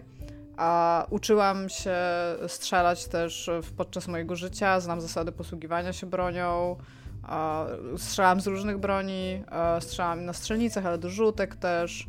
e, i tam no, ba bardzo jakby miałam z tym kontakt i jedyne co z tego wszystkiego wyciągnęłam to jest fakt, że to jest narzędzie, które nie jest przeznaczone do niczego innego niż po to, żeby zabijać jakby i wiem, że jest e, to strzelnictwo sportowe, ale tak powiedzmy sobie szczerze, po, po co jest strzelnictwo sportowe? Jakby większość dyscyplin sportowych związanych ze strzelnictwem wzięło się i tak i tak z jakichś takich e, feature'ów jakby wojennych, albo krzywdzenia ludzi. Albo łowczych. No albo ław, no ale jakby no wciąż do zabijania, tak? De facto. A, I o ile mam e, wiatrówkę, po prostu sw swoją tutaj własną, z której raz na jakiś czas sobie pójdę postrzelać do, do celów po prostu, to bardzo nie lubię broni palnej. Uważam, że broń palna jest nie okej. Okay. Jakby fetyszyzowanie broni palnej to jest dla mnie bardzo, bardzo dziwna rzecz, a że... Właśnie to jest też niestety tak... coś, co robią 24 godziny i co robi Splinter Cell. Ogólnie, ogólnie robią to gry. Gry tak, no. fetyszyzują no. broń dając ci te modele 3D, jakieś farbki na nią and, and shit like that, a że ja jestem, a byłam właściwie dosyć mocno związana z tym środowiskiem post-apo, to bardzo, bardzo dużo z tych ludzi chciałoby mieć po prostu licencję, żeby móc posiadać broń palną. Uważam, że, że to nie jest mądre. Ja po prostu uważam, że to nie jest mądre, bo jakby to, to ci nic nie daje, że ty masz tą broń. To jest, to, to jest tylko kwestia fetyszyzacji tego, że ty możesz ją mieć. I jakby e, to, to jest coś, co wydaje mi się, że jakby nie mieści się w mojej charakterystyce postaci, a co jakby nigdy o tym chyba nie rozmawialiśmy, więc jakby to jest jedyne, do czego wniosłam. A że broń jest dziełem kultury, to się w to łapie. Dominik? E, no ja zrobię ten sam disclaimer co wy, bo myślałem długo nad tym pytaniem, ale też raczej nie jestem w stanie zaskoczyć na pewno was, yy, raczej nie naszych słuchaczy. Jest to zajebiście creepy, że istnieje kilka tysięcy ludzi w tym kraju, tak. którzy wiedzą o nas tyle rzeczy, a my ich w ogóle nie znamy, że jakby mamy problem, żeby ich czymkolwiek zaskoczyć. Natomiast powiem dwie rzeczy. Y, po pierwsze, bardzo lubię muzykę Taylor Swift I lubię muzykę Taylor Swift nie tylko od czasu, kiedy nagrywa takie smuty pop rockowe, indie, indie rockowe, powiedzmy, to nie jest indie rock, ale w takim klimacie indie rocka, ale lubiłem Taylor Swift już wcześniej i uważam, że płyta 1989, bo to jest płyta, którą odkryłem przypadkiem i się w niej zakochałem. Uważam, że to jest rewelacyjna płyta, więc być może to kogoś zaskoczy. E, również, a druga rzecz to to też jest coś, co już sygnalizowałem, że lubię oglądać programy kulinarne, czy jakieś tam YouTubki. E, obejrzałem w swoim życiu zupełnie intencjonalnie i bez bólu dwa pełne sezony Masterchefa na tvn Więc być może to kogoś zaskoczy. Wiesz co, ja mam, e, jakby w ogóle mnie nie, w ogóle mnie nie zaskakuje, że lubisz programy kulinarne, bo ja też lubię programy kulinarne, e, ale mam bardzo duży problem z takimi show konkursowymi, bo uważam, że one de facto gloryfikują taką przemoc psychiczną, takie krytykowanie, znęcanie się nad kimś, co nie? E, I nie wiem jak Masterchef akurat, chociaż, chociaż to wszystko się wywodzi jakby z tego idola, czyli że z, tak. tego, z tego takiego właśnie e, jak, naj, jak, jak najbardziej błyskotliwie dojebać kolesiowi, co nie, który coś trochę tak, spieprzył tak, no, I, tak. i całą karierę jakby wojewódzki na przykład zbudował na niszczeniu innych ludzi, tak de facto, nie na błyskotliwym, błyskotliwym poniżaniu ludzi, którzy zazwyczaj mają medialnego obycia. E, I na przykład nienawidzę przez to tego słynnego brytyjskiego czy amerykańskiego szefa, tego co tam jest znany z tego, że wyżywa Gordon się w Ramsay? Gordon Ramsay właśnie, to totalnie.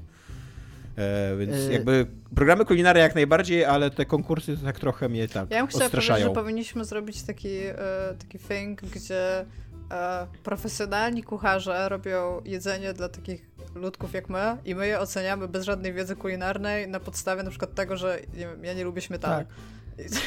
tak, tak. Nie, ble. Y. Mi się, bardzo, mi się bardzo spodobało to, że y, jako jedyny dostałem ocenę swojej rzeczy, którą lubię, a, a której się nie przyznawałem wcześniej? Nie, nie, bo nie, ja, ja też lubię, powiedział... bo my jakby wszyscy powiedzieliśmy, że też lubimy programy kulinarne. Jakby jako jedyny masz taką rzecz, którą wszyscy lubią, jakby, z którą wszyscy się Nie, ale ja oglądałam na przykład Hell's Kitchen, albo oglądałam Kitchen Nightmares, no bo Ramsey wyrósł w ogóle, tak, y, tak. ta jego persona wyrosła na tym, to, w ogóle to, to, to jest takie dosyć mocno wytłumaczone. On miał restauracje, tam chyba nawet kilka, które zbankrutowały, pomimo tego, że jakby były tak na papierze skazane na sukces, więc on jeździł te, te, wszystkie kuchenne rewolucje Magdy Gessler potem na tym tak, tak, tak. On jeździł format, po no. takich, no. tak, po takich mniej e, jakby e, no, znanych miejscach i zapewniał im fakt, że po jego e, jakby tak, i on kuracji akurat ta restauracja zacznie zarabiać, bo to o to chodzi w tych serialach. O, Tak. Znaczy w A Helsinki. Dla, nie dlatego, to, on jeździł, dlatego on jeździł i zapewniał innym, że jeździł? zaczną zarabiać, ponieważ jego restauracje zbankrutowały, tak? Ponieważ Jego restauracje zbankrutowały, stąd on się nauczył bardzo dużo o prowadzeniu Aha. restauracji. I on bardzo jasno mówi, prowadzenie restauracji to nie jest przyjemny biznes. Tam jest bardzo dużo e, to, takiego co- e, mam nośnika sobie, właśnie mam psychicznego. jakieś, mam jakieś przekonanie, że pomimo, że nie jest to jasny, łatwy biznes, to można go prowadzić bez przemocy psychologicznej i Ale on- wyzywania to, co- ludzi. On, i on tak właśnie, on, on ma, nie on ma wyzywa, on raczej nie wyzywa ludzi, on krytykuje dosyć mocno i plan biznesowy też. y, plan w i, i Hell's jedzenie i po prostu praktyki, które są w kuchni. Na przykład to, na przykład, natomiast to, co mi zawsze w nim super imponowało, czego na przykład nie nauczyła się Magda Gessler od niego, e, to, że on jest zawsze super miły dla obsługi. To znaczy on krytykuje prowadzącego za decyzję, którą ten ktoś podejmuje, natomiast nigdy nie jest niemiły dla kelnerów, czy dla e, takiego po prostu staff, nie? Dla ludzi, którzy pracują i tam wykonują swoje obowiązki według tego, jak te obowiązki zostały im powierzone. I też, jeżeli oni robią coś dobrze, to on bardzo mocno ich chwali. Przynajmniej z tego, co pamiętam z tych y, tam Ja sezonów rozumiem, Hell's ale Kitchen, tak, że... rozumiem Ja pamiętam, że w, tam w kuchni często dar się na kogoś i... No ale bo ty teraz mówisz o kitchen, znaczy o Hell's Kitchen, a mi Tak. chodzi o Kitchen Nightmares, czyli to, co było pierwsze. Jakby Nie, to ja nawet nie wiedziałem, że są dwa formaty. Ja nie jestem aż takim znawcą, jakby. Widzisz. No dobra, natomiast opowiedz nam o czymś, czego znawcą jesteś. Co jest grane u ciebie? E, Opowiem wam totalnie. Znaczy, zacznę od, zacznę od małego takiego wspomnienia tylko, że oglądam sobie serial, który nazywa się The Legends of Vox Machina. E, jest to serial animowany na mm, Amazonie. E, I jest on ekranizacją e, sesji, takiej kampanii RPG prowadzonej przez Critical Role. To, to jest taka kadra aktorów głosowych znanych z gier wideo. I wśród nich jest między innymi Laura Bailey bodajże. Już, już googlam, żeby, żeby, żeby się upewnić. Em, tak, Laura Bailey, e, Marisha Ray, no to są jakby ogólnie dosyć znane takie głosowe nazwiska z, z gier wideo. E, I oni jakby chyba na, jakby transmitowali swoje, transmitowali swoje sesje w D&D w internecie i to odniosło na tyle sukces, że teraz zrobili na, na, na temat tego animkę. E, I jakkolwiek ten pomysł mi się super podoba i jakby odpaliłem w ogóle sobie ten serial po to, żeby jakby poczuć taki y, duch sesji D&D, tak niestety ten duch sesji D&D ma też swoje złe y, strony, bo on je, jest tam mnóstwo takiego gówniarskiego humoru, takiego, takich nawiązań do seksu i jest mnóstwo przemocy zupełnie niepotrzebnej, takiej, takiej po prostu krwi po to, żeby pokazać flaki. I ja rozumiem, że to na sesjach RPG wśród przyjaciół się sprawdza i jest zabawne i śmieszne i tak dalej. Fikcji, fantazy takiej do oglądania nie bardzo. E, jakby chętnie bym obejrzał jakiś bardziej przeszukany humor. E, a do tego e, no to są po prostu bardzo, to jest po prostu bardzo schematyczne fantazy, takie totalnie, że jakby o, o, odejmijmy od tego ten dorosły humor, jakąś tam nagość i, i przemoc i, em, i właśnie takie, takie podejście, że niby ho, ho, ho, ja patrzcie jacyś dorośli, że możemy tu przeklinać i, e, i nasze postaci w ogóle są tam e, zdobywcami jakichś kobiet i, i, i się ruchają i tak dalej, co nie? Ode, to odejmijmy to i to jest totalnie taka stereotypowa fabuła fantazy o tym, że drużyna, kurde, złożona z jakichś takich y, o- ostrzepieńców, oczywiście tam buduje przyjaźń między sobą i po, pokonują wielkie zło, które skrzywdziło jednego z nich tam w dzieciństwie, on mroczną tajemnicę w sobie nosił i teraz w ogóle musi się otworzyć i opowiedzieć wszystkim, jak to został skrzywdzony i tak dalej, nie? No. Czy rozmawialiśmy o najlepszym założeniu RPGów, gdzie startujesz w drużynie tam i masz pół elfa, pół orka, pół halflinga i tam pół, pół ten i szukacie swojego ojca? Który obviously był bardem w którejś jakiejś innej kampanii. Nie, Just saying. Wydaje mi się, że to by było super. E, więc tak, więc o tym tylko chciałem powiedzieć. Jeżeli szukacie czegoś takiego, śmiało. I ja nie wiem, czy polecam, czy nie polecam. Takie 5 na 10. Jakby nie robię mi krzywdy, ale też jakby nie czekam na kolejny odcinek, nie? Teraz nie oglądałem chyba z 4 dni od kolejnego odcinka i dobrze się z tym czuję, nie?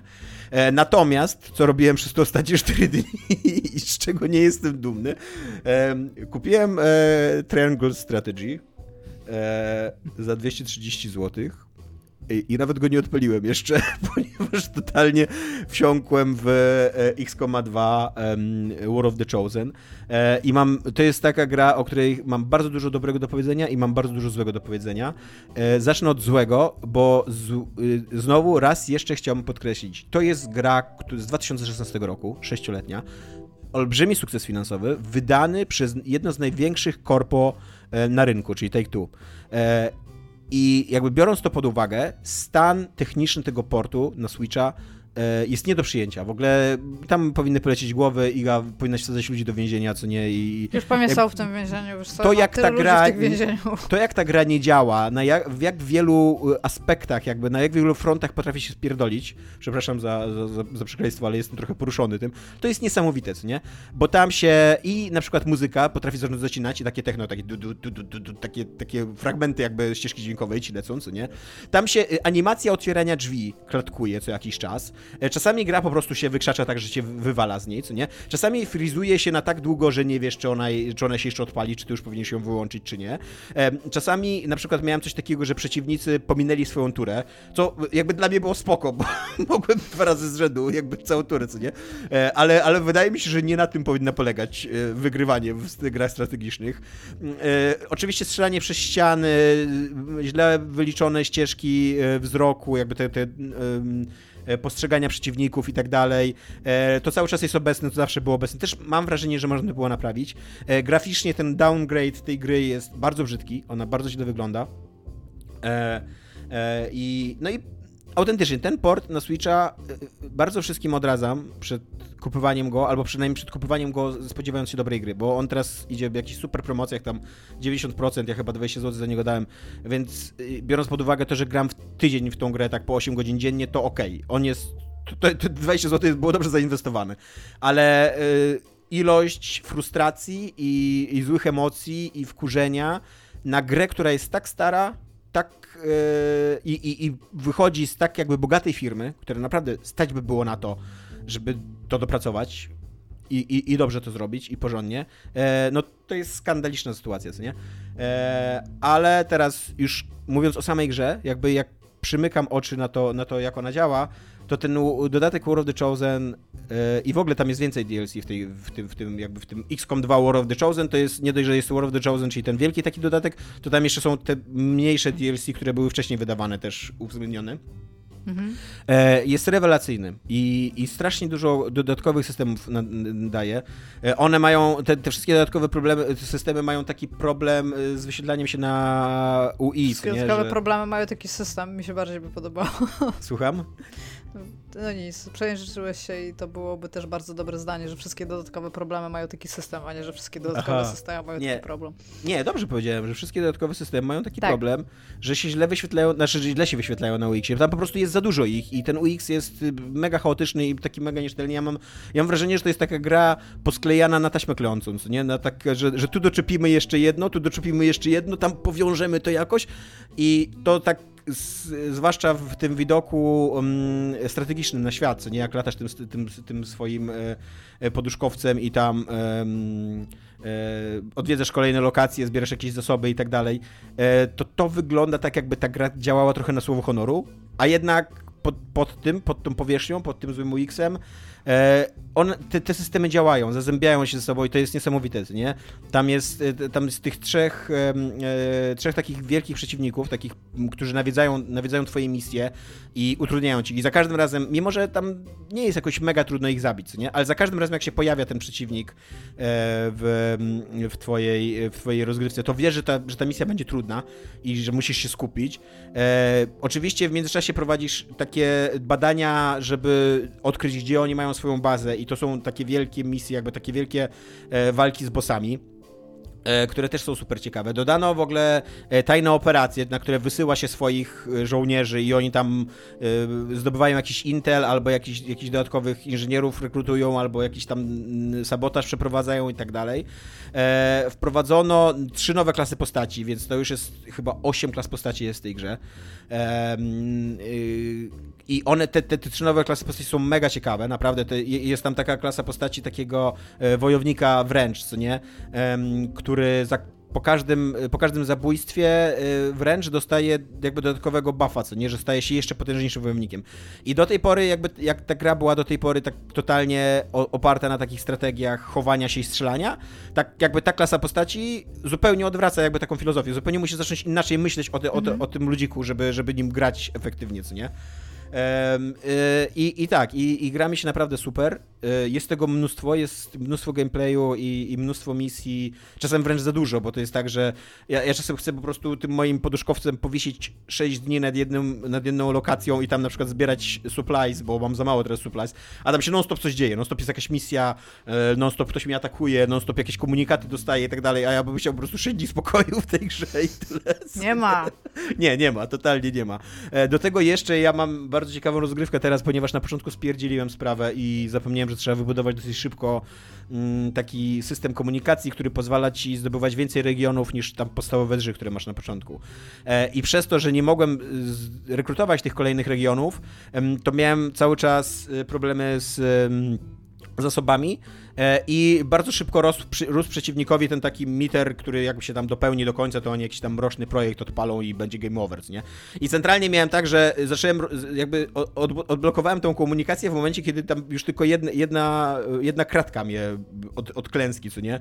E, dzieliła i wtedy zacząłem jakby swój kontratak i odpychać, jakby likwidować te, te kratki i teraz już jestem na takim bezpiecznym, tam mam bufor chyba z pięciu czy sześciu, co nie? Więc jakby to nie jest tak, że jedno, jedno wydarzenie doprowadzi mnie nagle do game overa, ale to było te, były emocje, e, było fajnie i, i naprawdę jest super, super, super ta gra i ma w sobie jakiś taki, kurde, niesamowity rytm wciągający, jak, z jednej strony jest taka uspokajająca ze względu na swoją metodyczność, że tak robisz takie te żrabie, żrabie skoki, Overwatcha używasz i tak jakby starasz się o wszystkim pamiętać, nad wszystkim e, panować, a z drugiej strony no potrafi ci zaskoczyć na milion sposobów I, i na misjach, i na mapie świata.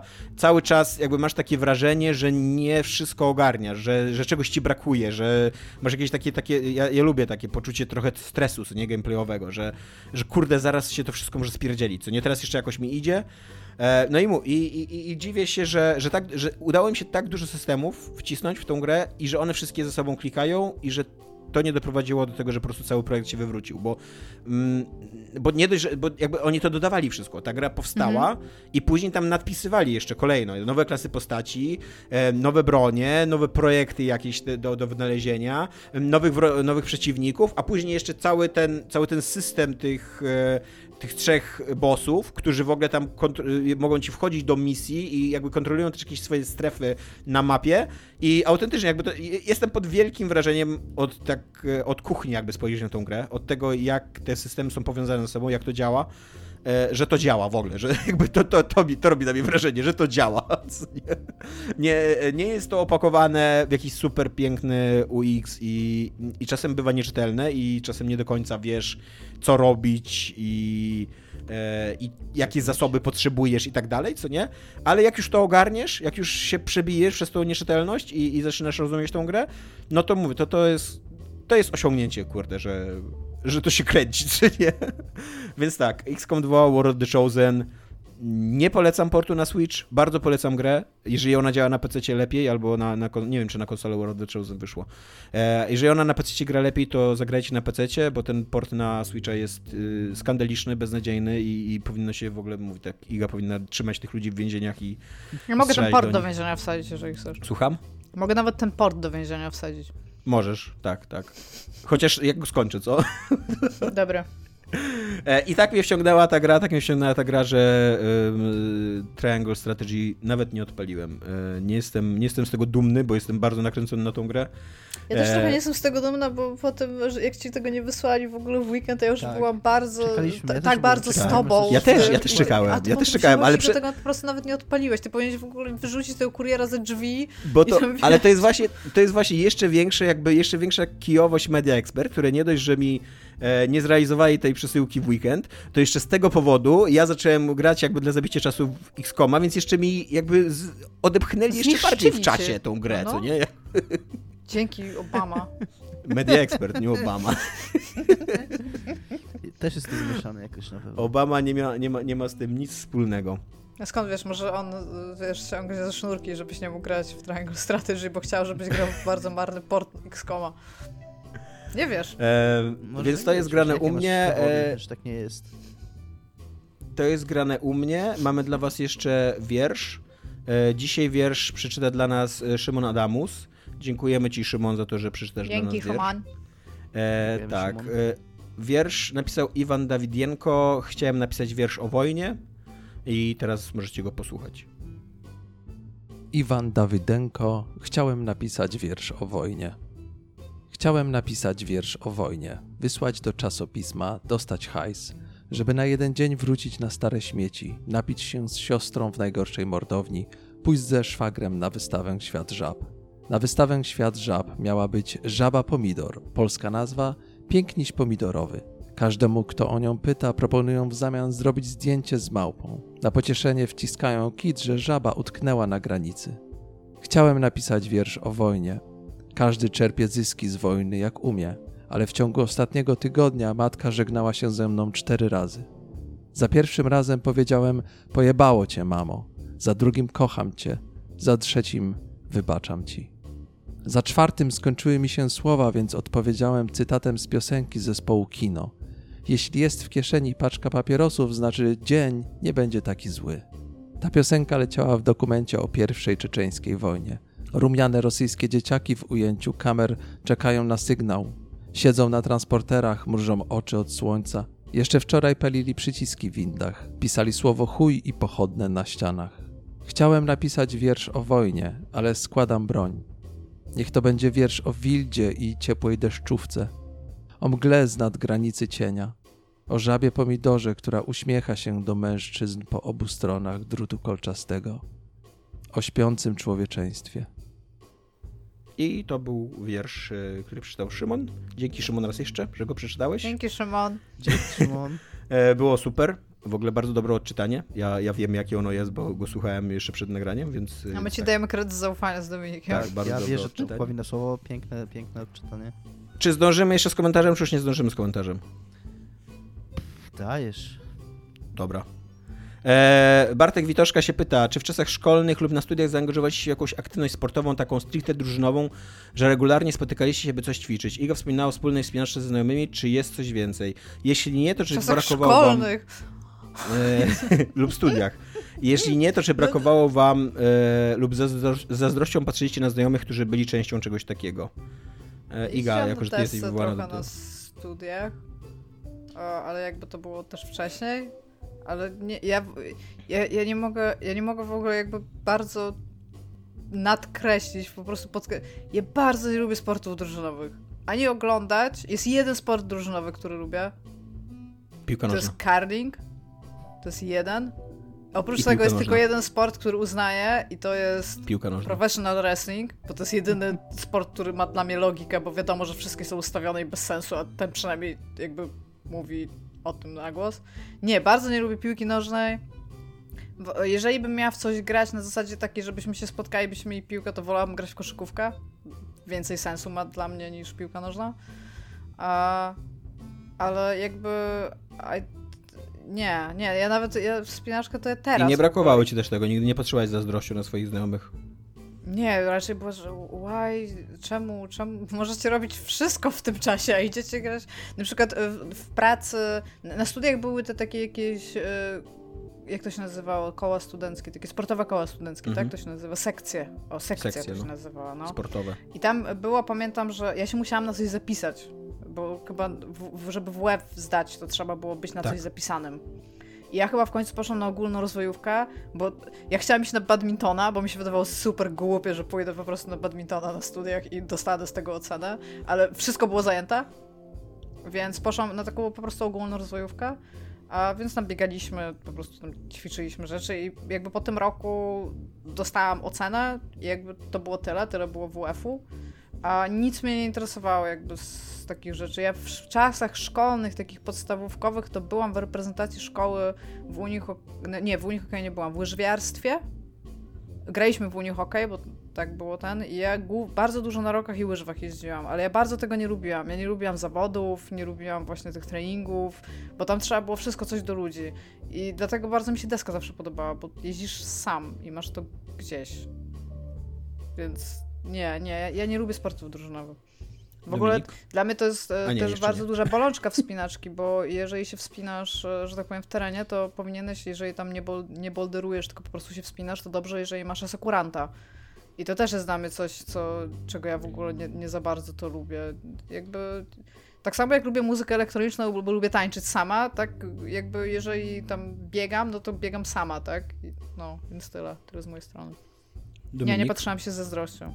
Ja złanapuję igę i powiem, że nie tylko nie cierpię i nigdy nie, cierp- nigdy nie lubiłem sportów drużynowych, co uważam w ogóle, że sport to jest syf i, i Tak. nienawidzę sportu i nie lubię go uprawiać i nie chcę mieć z nim nic wspólnego. Nigdy nie grałem w gry drużynowe intencjonalnie. Jeżeli byłem do tego zmuszany, to starałem się być jak najmniej przydatny i jak najmniej zaangażowany Wow, w to ty to, byłeś sabotażystą. żeby nikt nie... Żeby, nie, stałem gdzieś tam sobie z boku po prostu i... Yy, W siatkówce musieliście uwielbiać, jak po prostu stałeś z i boku. starałem, się, I starałem się właśnie, żeby nikt nie odniósł wrażenia, że mi się to podoba i że chciałbym tego robić więcej. I, yy, więc nie, yy, absolutnie nigdy nie chciałem, nigdy mnie to nie pociągało. Nie wiem czemu, nie lubię.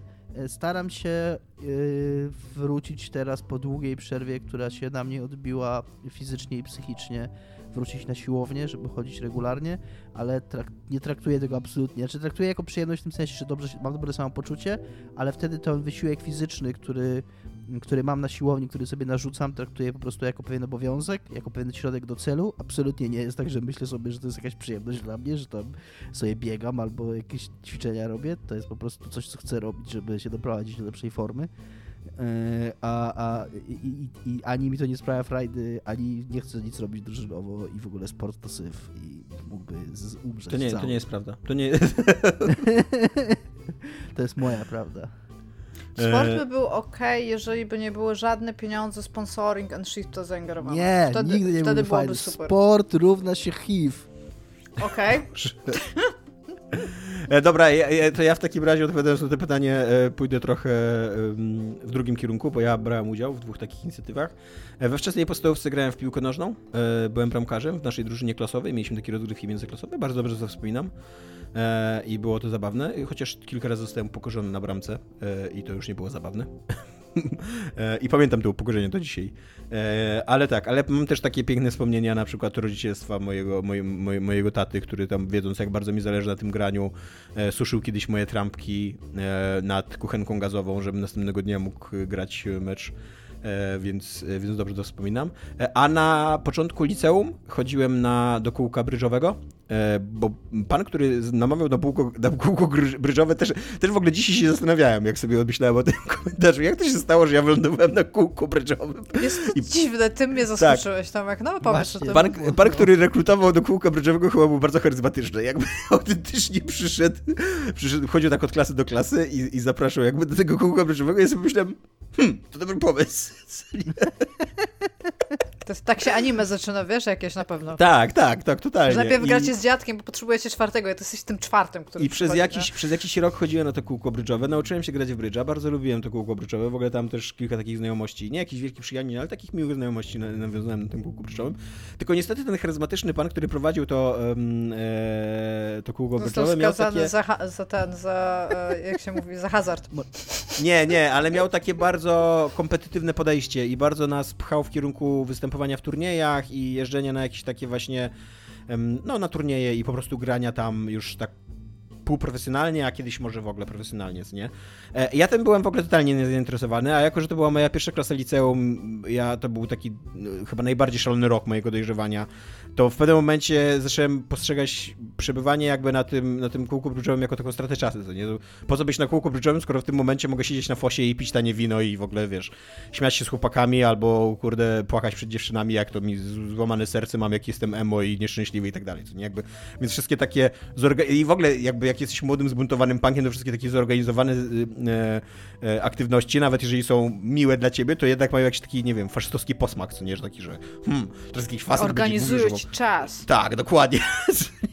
Ale coś w tym E. jest, bo ja, ja mam tak do dzisiaj, że jeżeli mogę sobie sama coś zorganizować, albo ktoś mi to zorganizuje, to wolę to zrobić sama, więc chyba Tak. trochę mi zostało. Tak, totalnie tak mam. Totalnie tak mam, że na przykład y, em, y, jak mam pojechać na urlop i, i wyobrażam sobie, że to miała być jakaś wycieczka albo jakiś taki all inclusive, jakiś taki czas zorganizowany, to w sensie y, y, jakby i, i to jest trochę przykre, bo y, na przykład takie zwiedzające wycieczki, to podejrzewam, że dowiadują się mnóstwo, mnóstwo rzeczy o tych miastach, które odwiedzają, co nie? A ja jak jestem tam sam, to jestem skazany tylko na przewodnik, zazwyczaj nie znam języka i dowiaduję się mało rzeczy o tych miejscach, ale tak sobie sobie myślę, że inny dorosły człowiek ma mi organizować czas, jakby mówić mi, gdzie mam teraz iść i w ogóle jakby, to takie... No takie, no i tak Ale niestety tak, ja tak, tak mam na przykład nawet z treningiem personalnym. Nie pójdę i sobie nie wynajmę, bo kiedyś miałam trenera i właśnie uznałam, to jest bez sensu, sama jestem w stanie się tego nauczyć. tak, też tak mam. Też tego, sobie przecież, to jest tylko siłownia, przecież jakoś sobie poradzę z tymi wykazami. A później, a później podchodzi do mnie, z, z, znaczy przynajmniej jeszcze jak chodziłem na siłownię, teraz już nie chodzę, ale zawsze podchodził do mnie jakiś taki miły, wielki pan i mówił, że tutaj źle robisz, jakby tutaj wszystkie te mięśnie powinny pracować, a u ciebie wcale nie pracują, masz tą sylwetkę jakby. Weź trenera personalnego przynajmniej raz, on ci Jestem wytłumaczy. doktorem, idź fakaj bombla. To jest w ogóle, Masz to jest w ogóle doktorat? Ile doktoratów masz z polonistyki? To wypierdalaj. Przepraszam. Ale akurat fakt faktem ci trenerzy, którzy są na siłowniach, to są bardzo często bardzo, bardzo mili i pomocni Tak, ludzie, tylko tak. jakby sam fakt tego, że ja muszę komuś, nawet nie, to, nie o to chodzi, że zapłaci za jakąś tam ekspertyzę, tylko że musi przyjść jakaś, jakby dorosła osoba i sobie pomyśleć, ona sobie nie radzi, ja muszę zrobić, żeby ona sobie radziła i to jest już takie, nie, ja jestem w stanie, I, I can do this by myself, nie? I też to Dobra. jest takie, że y, przecież y, on przyjdzie i będzie cię oceniał i what the fuck, nie? Jakby ja jestem dorosły, ja nie potrzebuję tego. Poszłam kiedyś na crossfit i poszłam z, wyszłam z niego, to znaczy po prostu wypisałam się tylko i wyłącznie do tego, że ty by dużo krzyczał na mnie. I tam jakby to, że on krzyczał, skutkowało tym, że ja robiłam rzeczy lepiej, ale tak bardzo nie lubię, nie lubię jak się na mnie krzyczy. Nie jestem w ogóle w stanie egzystować w takiej rzeczywistości, że po prostu mu powiedziałam, że to jest ostatni raz, że bardzo mu dziękuję, że super mi dzisiaj poszło i to jest ostatni raz, kiedy tu jestem. No, dobra, e, kończymy, bo już tak strasznie dużo materiału mamy. E, na koniec jeszcze tylko dziękujemy naszym patronatowym wsparciom, czyli e, Michałowi Mafinkowi i Tomkowi 2. E, super, że nam dajecie kasę i super też że wszyscy inni nam dajecie kasę. Jak nam nie dajecie kasy, bo nie chcecie, to też super, to po prostu nas słuchajcie i, i będzie, będzie git. E, I to tyle chyba, tak? Cześć. Dziękujemy. Cześć. Pa, pa.